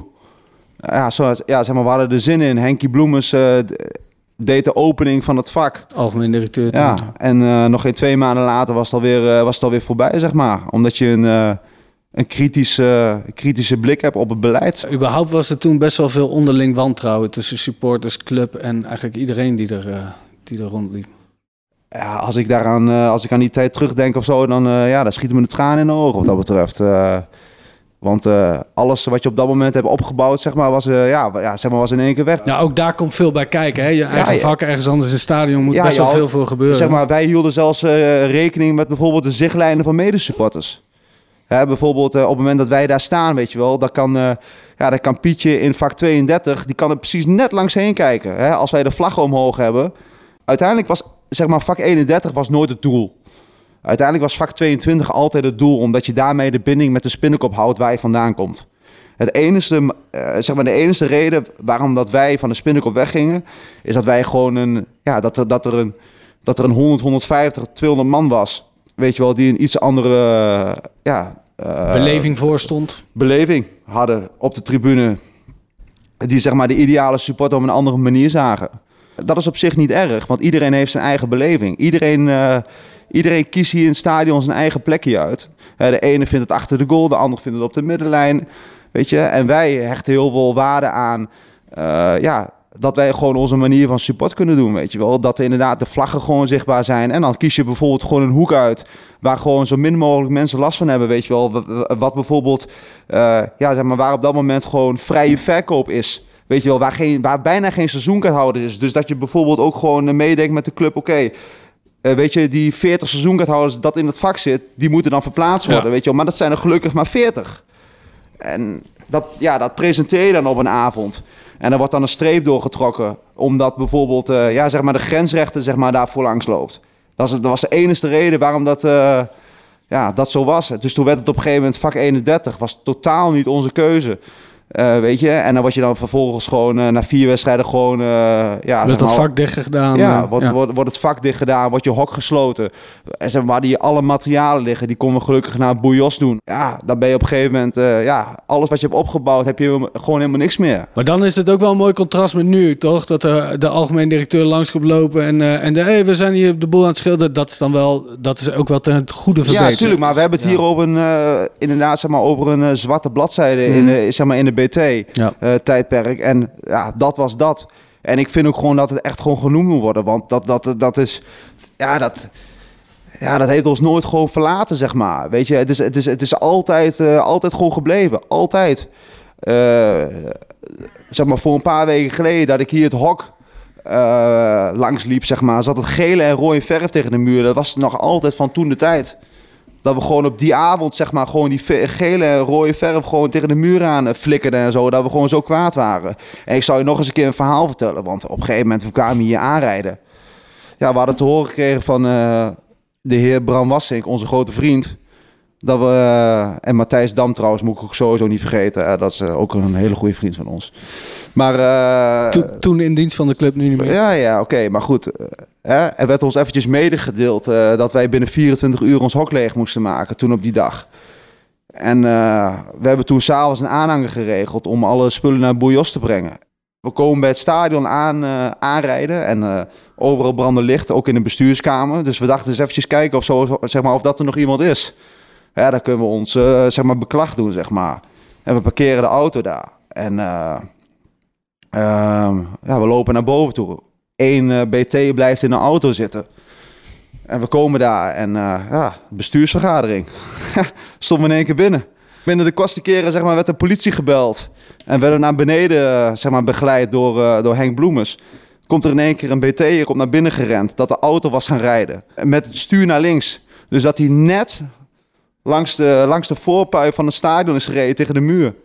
Dus onze auto stond tegen de muur aan. Ah, het was gewoon in die tijd was het gewoon zo erg dat wanneer de auto was gaan rijden, niet met de stuur naar links, maar met de stuur naar voren, dat je dus gewoon dwars door de voorpui heen was gereden, dat de club naar buiten had gebracht dat wij gewoon het stadion geramd zouden hebben. Ja, Zo- volgens zo mij is toen ook over die bestuursvergadering hebben ze toen ook gezegd dat dat heel intimiderend werd gevonden dat jullie de bestuurskamer binnenkwamen. Ja, Dat misschien ook wel een mooi voorbeeld om te noemen. Veendam uit, eh Pyro in het uitvak. Ja, het was eh brand gesticht. We hadden het, eh, geprobeerd het uitvak in de brand te steken. Dat we die eh, beschuldiging eh, kregen. Ja, gek huis natuurlijk. Maar ik denk als je het dan hebt over zwarte bladzijden, is dit echt wel één. Hè, het sluiten van ons huis. Of van onze kamer binnen ons huis, laat maar zeggen. eh, hè, en ook kijken naar hoe we hier nu zitten.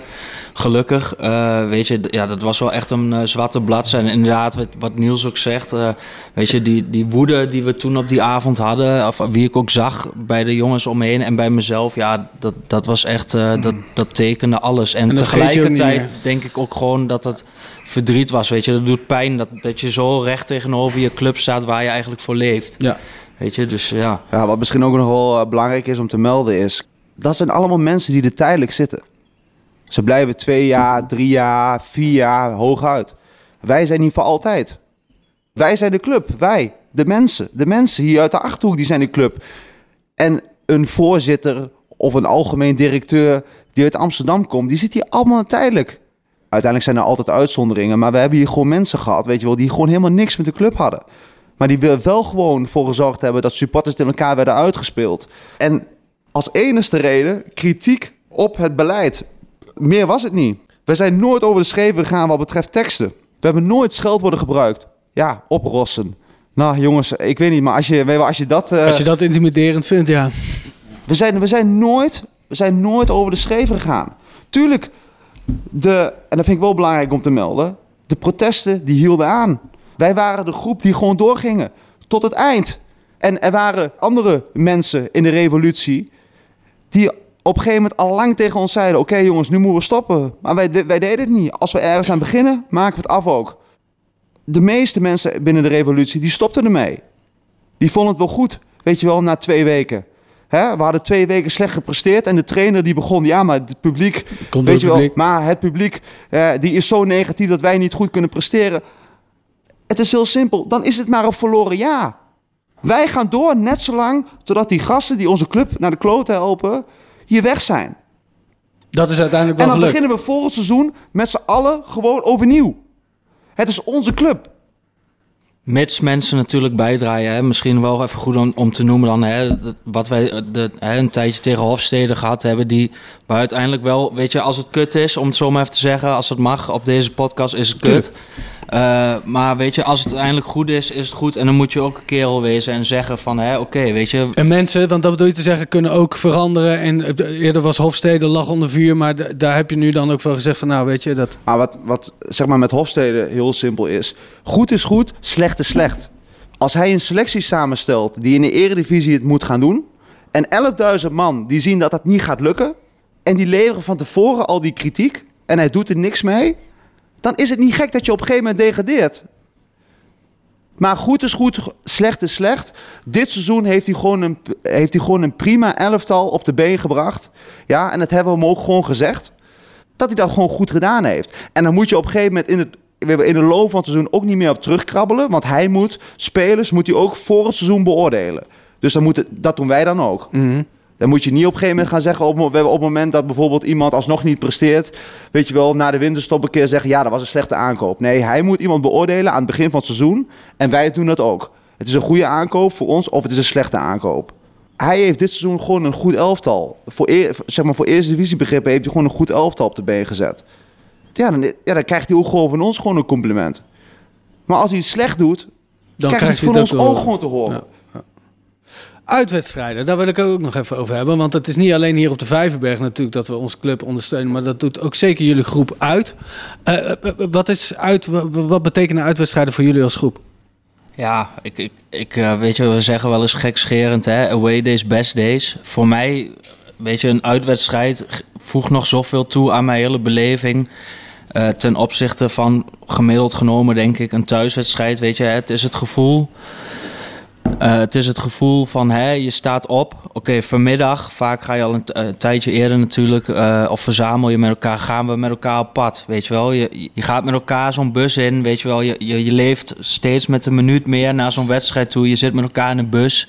Maar daarnaast is het ook gewoon belangrijk voor ons als groep om uitwedstrijden bezoek, te bezoeken, weet je. Je bent niet alleen supporter thuis, je bent altijd en overal, zoals wij altijd zeggen. Dat is voor ons binnen onze groep, weet je, als wij zien dat gasten amper uitwedstrijden bezoeken, is dat ook, hè, waar we het eerder over hadden reden, van oké, weet je, dan heb je wel gewoon een probleem. En Dan wat, je- wat gebeurt er dan? Eh, Word je dan aangesproken? Krijg je een berisping? Hoe werkt zoiets dan bij jullie? Ja, goed. eh, om op het punt terug te komen waar ik, straks, waar ik het straks over had. Als jij BT'er bent of bij de Brigade Tifosi wil horen, dan eh, heb je aan een aantal, eh, ja, een bepaalde levensstijl conformeer jij je, zeg maar. En dan wil je ook uit jezelf. Het is niet dat wij, dat wij jou moeten zeggen van, hé, hey, jij moet naar een uitwedstrijd mee. Je moet eigenlijk al vanuit je eigen wil hebben van, hé hey man, eh, we gaan er vanavond, eh, we gaan er, of deze vrijdag in dit geval gaan we er weer voor. Eh, dan moet uit jezelf komen. En als, dat, eh, als jij op een gegeven moment een maand lang niks van je laat horen, zeg maar. Of dat nou thuis of strijden of uit de gebied is. Ja, dan krijg je wel een, eh een spreekwoordelijke draai om de oren, zeg maar. Komt het vaak voor dat je mensen een beetje moet, eh, moet corrigeren daarin of zo? Bij de, de meest fanatieke gasten natuurlijk niet. Maar bij de jongens eh, die er een beetje aanhangen, eh, gebeurt het gewoon regelmatig. Je moet blijven hameren op eh, het feit waar we voor staan. wat we doen. Week in, week uit. Als je dat niet doet, kijk, het zijn jongeren. Kijk, eh, om zeg maar een voorbeeld te geven, zeg maar, wij maken afspraken met elkaar. Dat is een goed voorbeeld. Kijk, mensen die zijn verslaafd tegenwoordig aan hun telefoon. Bij ons op de tribune, tijdens de wedstrijd, geen telefoons. Zorg ervoor dat je niet eerder dan de scheidsrechter de fluit van de tribune afgaat voor rust. Zorg dat je op tijd weer terug bent. Alles staat in het teken van optimale support op het moment dat de wedstrijd aan de gang is. Maar dan moet je ook, dan moet je wel inderdaad voor kiezen. Want ik kan me ook voorstellen dat als je daar wat minder, dat als je erbij gaat en je merkt toch dat je wat minder fanatiek daarin bent of zo. Ik, ik denk niet dat het per se kiezen Het is is. willen ook vooral, denk ik. Je is het zelf. Weet je, als jij echt het gevoel hebt, en dat is altijd, mensen vragen er wel eens van, hè, leg het dan eens uit hoe dat voelt. Dat is gewoon lastig uit te leggen. Je hebt een bepaalde beleving. En ik, ik, voor mij persoonlijk is dat gewoon echt de, de, de, hè, de way of life. Weet je, hoe ultra's dat doen en zijn. Er wordt wel eens gevraagd aan ons hè, van mag ik, mag ik, hoe kom ik bij jullie groep? Weet je wel, het is niet zo simpel van hè, hoe kom je bij onze groep? Er zijn Weet je, het is vaak zo, weet je, je groe- weet je, wij merken wel op als gasten dezelfde beleving als ons hebben, weet je wel. Eh, weet je, wij zien bepaalde gasten wel al twee jaar of één jaar, weet je wel, alleen maar naar alle uitwedstrijden gaan. Weet je mensen gaan je opvallen, mensen komen op het vak staan. Eh, weet je, dan, dan krijg je, heb je gewoon het gevoel van, oké, weet je, weet je, je voelt hetzelfde als dat wij voelen. Eh, dus het, weet je, die, mail, of, die vraag krijgen we best wel eens op de mail van hoe kan ik me bij jullie aanmelden? Maar weet je, zo... Zo werkt het niet. Nee. Dat je, Ja. nee. En het is ook, ik denk, eh ja, we zijn met een mannetje of 50, denk ik, als we ja, eh, de groep, als we het over de groep hebben. En natuurlijk zijn we niet allemaal dikste kameraden met elkaar. En dat is in zo'n grote groep ook niet mogelijk. Maar het is ook vooral natuurlijk de, de passie te- voor de graafschap die ons daarin verbindt, zeg maar. Eh, en, op, en op de manier hoe wij de club willen supporten. Dat, Maar het lijkt me best lastig, omdat het best inderdaad een grote groep is en je nogal veel van mensen vraagt om dat altijd, ja, weet je, om dat zo te houden. Dat is, hoe hou je die, die kikkers in die Weet, weet je wat het, eh, eh, en dat zie je denk ik echt wel in, in alle groepen terug. Weet je, een beetje de, de, het, het beeld of hoe een ultragroep in elkaar zit is, je hebt altijd een kerngroep. En daaromheen heb je wat losse groepen. Hè. Dat kan bijvoorbeeld zijn omdat een groepje uit een bepaald dorp of een bepaalde andere stad komt die zich aansluit. Eh, zo, zo is dat bij ons afgelopen, afgelopen jaren ook gedaan. Hè. De jongens komen uit heel de achterhoek. Ehm, maar het belangrijkste is dat die kerngroep, dat die zo groot is en zo, hè, dat die groot blijft. Die de rest kan dragen. Die hè, met elkaar, weet je wel, aanvulling zoekt. eh, andere jongens eh, daarop aan kan spreken. Op het moment dat die kerngroep kleiner wordt dan de rest daaromheen, dan heb je denk ik als groep. eh, weet En je, dat is bij jullie niet aan de hand, dat die kleine kerngroep... eh, Wat belangrijk is bij ons is eh, dat in principe de kern al een jaartje of 6, 7 vanaf vak 31 altijd gewoon hetzelfde is. Dus de kern is altijd gebleven. De echte jongens blijven ook. De echte jongens vinden dit te belangrijk. Weet je, je kunt een vriendin krijgen. hè, je kunt een, eh, een kleine krijgen. Maar als je het echt belangrijk vindt, dan zoek je gewoon een mogelijkheid om er alsnog bij te zijn. Ja, en natuurlijk, er zijn jongens inderdaad, zeg maar, die wat verder in het leven staan, weet je wel, die misschien iets meer moeite hebben om er altijd bij te zijn. Hebben we respect voor, is geen probleem, snappen we. Maar mensen die drie weken lang, vier weken lang niet komen, Dan die heb hebben bij ons niks te zoeken. Niks te zoeken. Elke week strijden wij gewoon, weet je wel, voor de club. En elke week zorgen we er gewoon voor dat we er gewoon bij zijn. We gaan, het, eh, we gaan heel even dit, eh, dit verhaal onderbreken, want we gaan luisteren naar het gedicht van Eddie Buiting. En dat is een bijzonder gedicht deze keer, want helaas is in deze periode in april eh Kappertje Overgoor overleden aan het coronavirus op 75-jarige leeftijd. Hij speelde tussen 1965 en 1980 in totaal 393 officiële wedstrijden voor de Graafschap.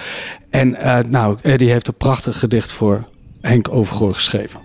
Eigenlijk heeft Kappertje Overgoor alles wat ik van een superboer verwacht. Een noeste kop, met ogen vol kracht. Maar ook iets aardigs en zachts. Iets liefs, iets representatiefs. Zo trouw als een hond, kordaat en gezond. Zet hem op een trekker of in de stal. Hijs hem in een overal. De voerbakken vullen. En Henk Overgoor zal, plichtsgetrouw en niet bang, ook deze taak vervullen. Maar niet het melken of kulen was zijn werk. Vijftien seizoenen lang was netjes verdedigen zijn handelsmerk. Henk Overgoor, 393-voudig superboer, maar bovenal een leven lang jaloersmakend stoer. Op die foto bij de entree, kijk je recht in twee. priemende stoere ogen. Een beeld in klassieke voetbaltrui. Grijze koep, leren bal, echte voetballui. Van dat gegolfde haar, kats onbehandelbaar. Vraag het de kapper maar. Hier vertelt een foto jou het verhaal van zijn trouw. Van 15 seizoenen in blauw-wit, de V op de borst, de trots die hij torst. Geen gezeur, maar een ambassadeur, een kraker, een cultuurbewaker. Kappertje kon het allemaal, verslikte zich in zijn gum en werd in de wedstrijd van het jaar de hoofdrol in zijn eigen verhaal. En ontroerde vorig jaar nog een uitverkochte Amphionzaal. Blijft bizar hoor, dat ons kwieke kappertje, altijd goed gesoigneerd, de wedstrijd van corona verloor. Pijn in ons superboerenhart. Maar het leven is net als die voetbalwereld snoeihard en soms niet te begrijpen. Je wordt soms keihard gepakt terwijl je denkt te zijn opgeveerd. Toen kappertje zijn ogen sloot, leken we zelfs nog even gewoon gepromoveerd. Wat is eigenlijk het grootste misverstand over jullie groep? Nou, daar kijk ik vooral, eh, ik denk nou een paar jaar geleden toen we werden gezien als het eh, onbenaderbare ja, hoekje, of, uh, groepje in de hoek van, ja, van de Roodberg-tribune op vak 22. Dus wat zijn dat, was dat voor, een, ja, voor Gaius, zeg maar. Maar ik denk dat het een heel mooi voorbeeld is, nu wij hier zo bij het stadion bezig zijn. En de poorten staan ook gewoon open voor de mensen die natuurlijk gewoon lang zullen komen. Want laten we duidelijk hebben, het stadion is voor iedereen ook tijdens het proces waar we nu mee bezig zijn, mag iedereen komen kijken. En dan hebben we ook gewoon een leuke gesprekken met die mensen. En dan blijkt dat, we, ja, dat er veel meer achter, achter een, uh, dan alleen maar een zwart jackie zit, zeg maar. Want dat was misschien een beetje beeld. En, uh, allemaal hetzelfde jackie, zwart. Een beetje, ja, mensen krijgen daar dan een beetje een ja, secteachtig gevoel bij of zo. Ja, en we zijn op een gegeven moment zijn we daar intern. Hè, als we het dan uh, over, eerder over die vergadering hebben, ook wel als groep over in gesprek gegaan. Hè. Ook eigenlijk in de ruimte waar we nu zitten. Ik, ik weet nog goed dat we daar op een, op een koude avond hier in het hok En dan is het hier niet heel warm. Toen hebben we ook het gesprek gehad van... Misschien zijn we ook wel heel gesloten naar de buitenwereld. Laten we ons best doen om wat opener te worden. En dan kom je bijvoorbeeld weer neer op... Hè, um, uh, hoe kunnen we uh, jongere jongens aan laten sluiten bij onze groep? En vanaf dat moment is eigenlijk onze groep ook gaan groeien naar de groep die we nu hebben. En tuurlijk, daar zie je weer jongens in gaan uh, waar misschien net niks voor is. Of daar zie je weer anderen voor terugkomen. Zo proberen we wel wat dynamisch te blijven en wat opener te zijn. En ik denk dat die openheid dus in, in is gaan groeien. Um, en dat het zich nu inderdaad terug laat zien in bijvoorbeeld ook dit project, waarin heel veel mensen eigenlijk ook is het gezicht achter die zwarte jassen ziet. Mm -hmm.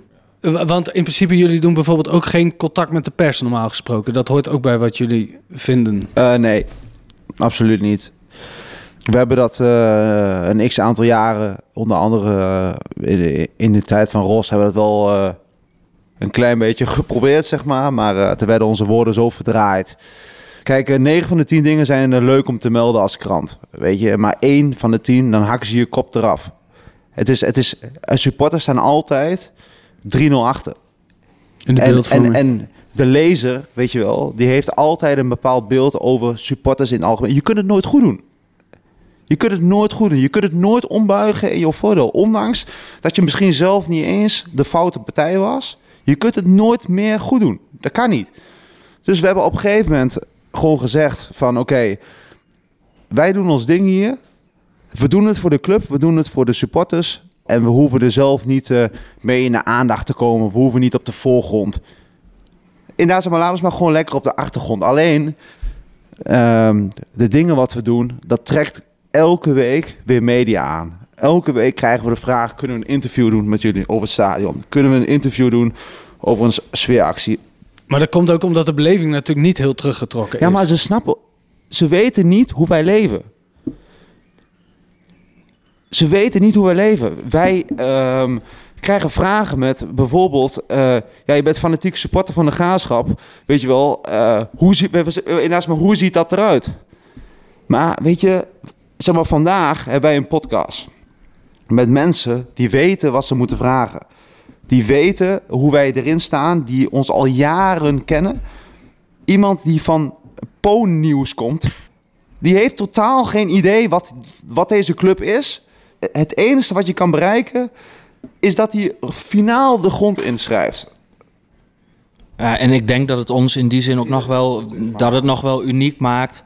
Eh, weet je, wa- waar misschien andere groepen er wel voor kiezen om bijvoorbeeld hè, met wel de pagina's zoals ik noem maar wat Away Days of In de Hekken of Voetbal Ultras in gesprek gaan. Eh, hè, we krijgen ook wel eens verzoeken vanuit, ik noem maar wat, Hongarije voor een of ander Ultras magazine. Zijn wij ook daarin, blijven wij best wel bij onze principes. En ik denk dat het ook wel tekenend is voor onze groep, bij onze principes blijven en daar alles omheen bouwen. Eh, ook daar zeggen wij dan nee tegen. En ik denk dat in die zin, inderdaad, wat Niels zegt vandaag. eh, eh, ja, ook, ook wel in die zin uniek is. Maar inderdaad gebaseerd op dat jullie inderdaad wel weten van waar je naar moet vragen. En dat is wel belangrijk. Een van die principes waar, je, waar jullie ook, die jullie ook aanhangen is tegen het moderne voetbal, zoals dat dan heet. Wat is dat?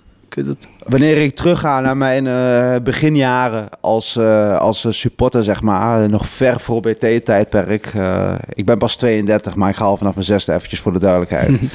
Ehm, als je bijvoorbeeld naar een Twente uitging, dat je gewoon je ticket kan kopen aan de kassa. Weet je wel, dat je gewoon dat, het, dat, het, dat een vak wat eigenlijk gewoon 400 plaatsen is. Weet je wel, dat er gewoon 500 man ingedouwd zijn. Omdat er toevallig gewoon 500 man komen. Weet je wel, die hele spontaniteit.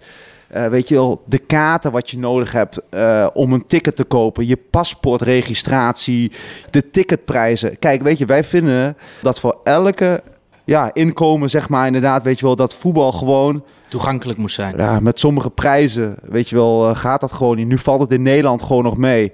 Maar als je bijvoorbeeld in Engeland kijkt, weet je wel, van hoe dat daar is, dat je gewoon 40, 50 pond voor een ticket betaalt. Ik bedoel, dat is gewoon voor een eh, arm gezin is dat gewoon niet mogelijk. En hoe, hoe be- beleid je dat? Hoe ga je, eh, kun je eens een voorbeeld noemen van hoe je Ah, bijvoorbeeld op, zich, dan... op, zich, op zich gaan wij gewoon constant wel gewoon een gesprek aan met de graafschap. Eh, weet je wel, als ons bijvoorbeeld zeg maar, de ticketprijs zeg maar, niet bevalt, dan horen ze dat. Als ons de vervoersregeling, zeg maar, wat ze hebben opgesteld, ons niet bevalt, dan horen ze dat. Weet je, En dat betekent ook dat je af en toe een spandoek over een reclamebord heen hangt? Toch? Ja, nou ja, goed, eh, weet je, wij zijn, eh, wij vinden bijvoorbeeld in een uitvak, weet je wel, dat je gewoon een plek moet maken. Uiteindelijk heeft elke club, die neemt spandoeken mee. Als jij een heel uitvak vol gaat hangen met reclameborden, is dat gewoon vragen om problemen. Dat kan de, de eerste twee weken kan er dan een probleem worden, op het moment dat je dat gewoon niet goed hebt ingeschat.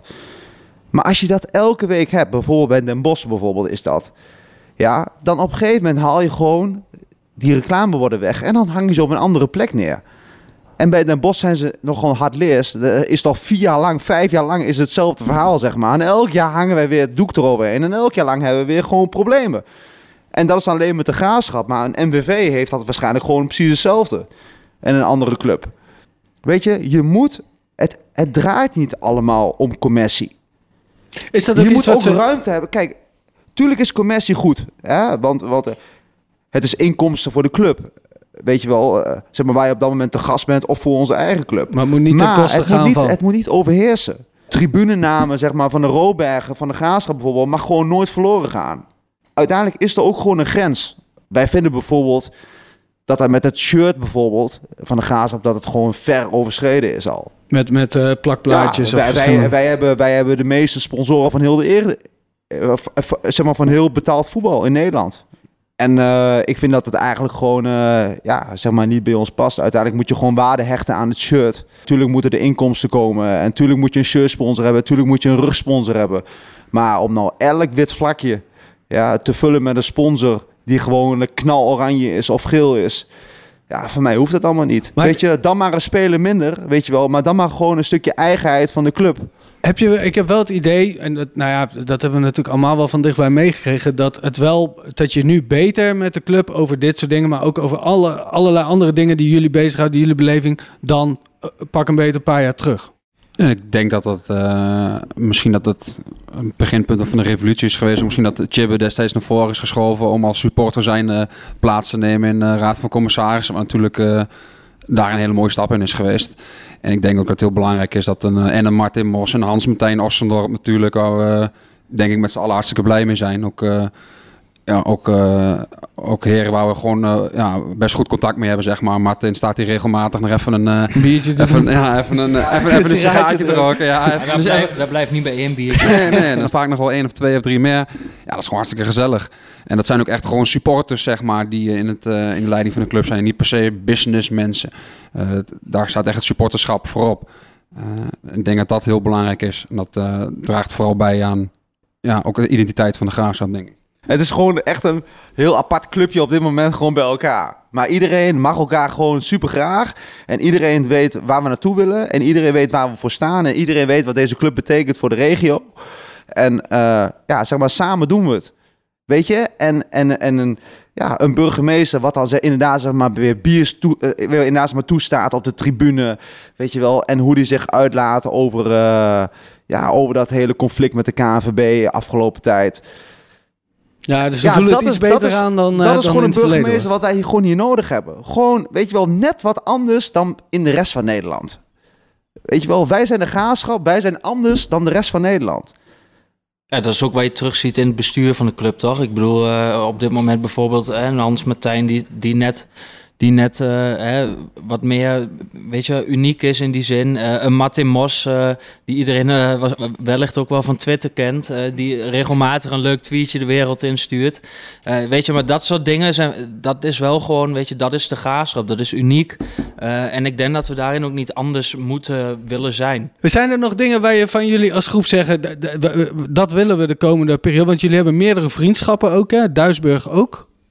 Eh, zeker, die, zijn, eh, dat, die vriendschap is denk begonnen of vijf geleden. Nou, zoals de meeste mensen al weten, heeft de supportersvereniging al lange goede contacten met de supportersvereniging van Duisburg. En er was destijds een jongen, Peter Pan, een stadionverbod eh, jongen van Duisburg. En die dacht van, "Ja, ik moet ook eens een keer naar de Vijverberg kijken. En die heeft destijds gevraagd, en ik denk dat het, ehm wie was het op dat moment? Peter van de supportersvereniging, die nou, Peter Pan meenam vanaf, vanaf vak 40 naar ons vak. En dachten, was dat voor een eh, aparte vogel, zeg maar. Eh, nou, weet je wat, eh nou, Duisburg, eh, nou, even handjes geschud, kom even bij ons boven op het vak staan. En eh, ja, die, die, kleek, die, die was er eigenlijk gelijk. En op een gegeven moment was hij de volgende week was hij er weer. En een week erop was hij er weer. En op een gegeven had moment... toch niks te doen met de stadion of wat? Nee, inderdaad. En, ja, en uit de scheiden was hij er ook bij. En dat grootste schrik. En op een gegeven moment is dat meubilair geworden. En dat begint klein, net als dat Rolf dat zegt met een aantal jongens. Eh, Die gaan eens naar Palermo. En die, nou, de jongens van Palermo komen een keer bij ons. En zo is dat bij Duisburg ook gegroeid. Het werd steeds groter en groter. En dat gaat inmiddels alweer, ik denk dat het ongeveer vijf jaar terug is. die wedstrijd met Roda, met die reclameborden. Ja, wat eh, bijvoorbeeld met Peter Pan wel goed is om te zeggen, is dat op een gegeven moment eh, dat, ja, dat hij terugkwam van zijn stadionverbod bij MSV. Dat wij op een gegeven moment met een grote groep daar naartoe gingen, dat hij weer voor het eerst erin mocht. Toen kwamen we in aanraking met zijn groep, zeg maar. En vanuit daar is die vriendschap eigenlijk gewoon begonnen en ontstaan. En eh, ja, inderdaad, maar sindsdien zijn eigenlijk gewoon elke wedstrijd drie, vier man, Duisburg, zijn altijd erbij, uit en thuis. En ook wij, zeg maar, gaan eh, mee naar eh, Jena. En we gaan mee naar Münster. En we gaan mee, ja, het is voor ons eigenlijk gewoon echt een hel. Want En- we spelen dan op vrijdag tegen Roda uit. Dat is al, dat is al een klote end. Drie uur heen, drie uur terug. En dan moet je nog weer En dan, naar, eh, en dan vervolgens slaap je twee uur. En dan moet je je klaarmaken, Hagel, voor een rit. een rit naar, naar Zuid-Duitsland of Oost-Duitsland of maakt niet uit wat. Maar dat is zeker gewoon 7, 8 uur in een bus. Tja, Ja, en waar het bij ons gewoon drie uur lang losgaat, dan slapen gewoon die jongens, die slapen gewoon de eerste twee uur van die busreis. Het is gewoon absurd. Bij ons zouden ze gewoon, ik denk, eh, zeg maar op de helft wel helemaal naar de kloten zijn, denk ik. 7, 8 uur, Maar goed, man. u- Je- uiteindelijk is het ook gewoon mooi, weet je, om, om inderdaad dan weer met zo'n andere groep, net als met Palermo, gewoon de cultuur en, en het gevoel te delen, wat, wat eigenlijk niet heel veel mensen kunnen voelen, denk ik, Mhm. als je het zelf niet voelt. Eh, en het mooiste is er natuurlijk dat je dan gewoon samen op één dag speelt. Hè. We zijn eh, een, een tijdje terug, eh speelden eerst Duisburg, smiddags thuis zijn we daar met een, eh, met een hele groep heen Venlo uit, gegaan. Ja, die degradeerden toen ook nog. En, Ingolstadt en daarna ja. gingen ze met ons mee in een partybus vanaf Duisburg naar Venlo uit, weet je. Ja, dan, dan maak je gewoon, waar normaal 90 minuten Ja, ja. away day, want weet je, een away day is gewoon intensiever gemiddeld. Eh, waar dat al gewoon zwaar is, pak je dan gewoon twee keer 90 minuten. Dat wordt En echt ja, topsport dan, hè? dat, is, eh, dat is topsport, zeker. Ja. Ja, en dat is dit misschien de manier hoe wij internationaal voetbal beleven, zeg maar. En dat is misschien, eh, want je wilde volgens mij net vragen wat een grote droom is. En dat is dan voor mij persoonlijk. Ik denk als ik Rolf en Niels aankijk, dat dat hun ook wel eh, diep erin zit. Ja, Een keer Europa heen. Ja, nou goed, dat is wel ja, het ja, ja. ultieme natuurlijk. Om een keer uh, ja, uit, een Dat is maar één eh, rondje, toch? Eh, Roemenië, wat mij betreft, Oh, maar gewoon een keer daar. Ah, naar Azerbeidzjan, naar Azerbeidzjan met de bus is ook, is ook Ja, niet ja, erg. ja. Ja, Een dat en de bekerfinale heb ik zelf ook altijd nog wel. Dat lijkt me ook nog wel. via de bekerfinale zou helemaal de mooi zijn. bekerfinale Europa en ja, dat zou dan wel eh, gewoon één keer, daarna ook niet meer, weet je wel. Dan eh, hebben we het één keer meegemaakt. De club weet wat er te doen staat. En nog een vraag die me ook nog op, het hart, op de tong ligt. Komen jullie ooit nog terug op de spinnenkop? Dat is een gesprek wat eigenlijk al een, eh, ja, een jaar, zeg maar, eh, met, ja, zich voordoet, zeg maar, met, met eh, meerdere supportersgroepen. We praten er al eh, ruim anderhalf jaar over om te kijken of dat er een mogelijkheid bestaat of zo, dat we weer terugkomen op de spinnenkop. Waar zit het dan in? Waar, waar- zou het op... Mentaliteit. Dat het ook wordt geaccepteerd mentaliteit. de... Het is gewoon een mentaliteitskwestie. Wij, ehm, wij staan op dit moment echt gewoon anders in het, eh, in het hele supporters gebeuren of zo dan die jongens eh, van de Spinnenkop. En dat is hun goed recht. Zeg maar, daar zijn ze echt niet minder supporter om of zo. Dat, dat, dat absoluut niet. Maar, sorry jongens, maar als jij op vakkie 15, 16 staat en je gaat je kleding uitzoeken op internet met je telefoontje in de hand, ja, dan, sorry, maar dan krijg je onze jongens echt niet enthousiast om daar naartoe te gaan. Maar als ik dan wel iets mag, mag zeggen, ik vind dat dat bij uitwedstrijden zie je ook dat heel veel verschillende eh, groepen uit allerlei verschillende dorpen met verschillende beleving gaan. En dat dat eigenlijk prima gaat. Als we dan met z'n allen, de, nou ja, de sfeer bij uitwedstrijden is super. Ja, maar je moet ook niet vergeten dat eh, de mensen bij uitwedstrijden anders zijn. Kijk, weet je, wij zijn altijd hetzelfde. Thuis, uit, wij geven gewoon 90 minuten lang geven wij alles. Maar je moet niet vergeten dat eh, de groepen die bij uitwedstrijden ook alles geven, bij thuiswedstrijden gewoon rustig in vakje 18, 19 zitten met een biertje. Dus de situatie is bij thuiswedstrijden totaal verschillend. We hebben ook gewoon gezegd, we willen best nadenken over een terugkeer, maar dan wel met alle groepen.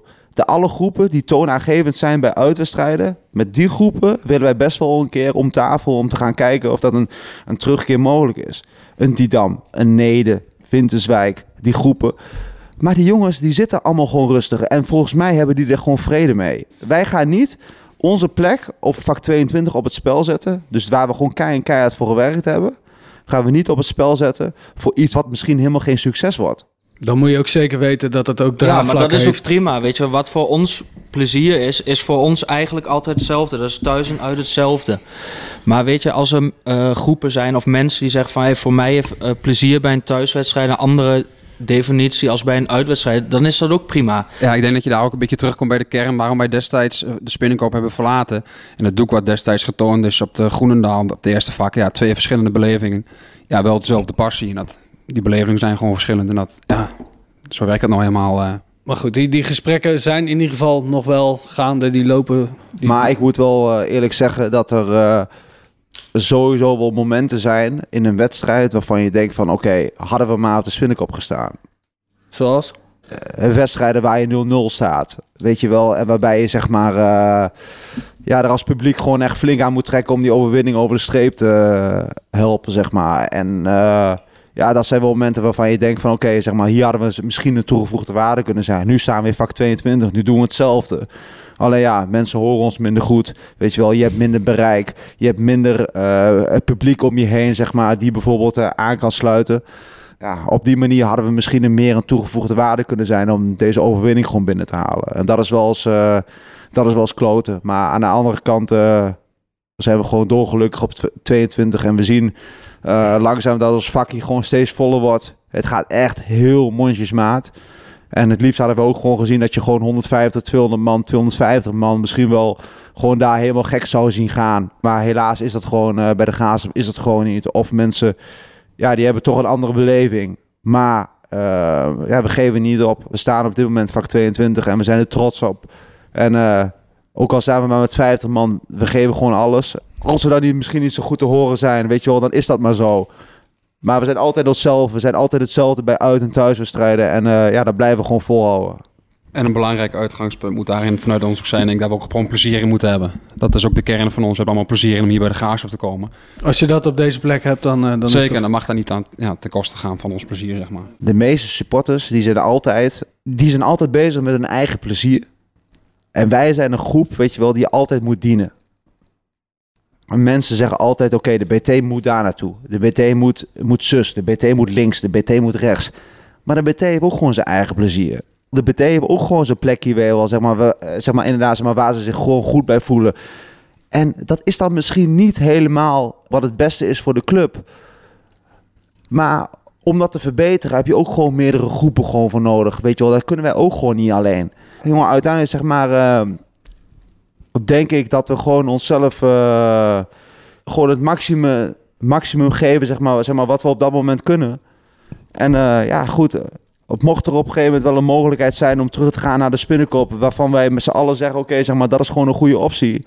Dan zullen we dat ook gewoon zeker niet, eh, zeker niet laten. Maar dan moet het wel gewoon met z'n allen. En dan moet het wel gewoon met meerdere groepen. En dan moet het wel gewoon echt gewoon. Misschien, misschien moet de spinnenkop wel, wel helemaal staan worden.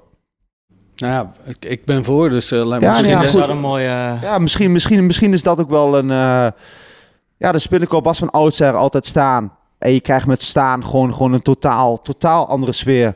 En misschien kunnen wij dan wel het centrum of zo van de spinnenkop eh, ja, innemen. om zeg maar iedereen op sleeptouw te nemen. Maar op dit moment, op vak 15, 16, zien we dat op dit moment gewoon niet echt, eh, niet echt zitten. Heeft niks met die mensen te maken die er staan, maar gewoon meer in het verschil van mentaliteit. Helder mannen, goed verhaal. Dank jullie wel. Bedankt ook voor het luisteren naar deze podcast. Ehm, eh, die hebben we gemaakt samen met eh Sjoerd Wijkamp, eh, Eddie Buiting en de technische ondersteuning was weer van Dennis van Amerongen. Jongens van de Brigade Tifosi, bedankt. Later naar de spinnenkop, niet meer bij elkaar. Dat vond ik eerst best een beetje raar. Simon werd een grote held, armgebaren langs het veld. De liefde zal nooit meer overgaan.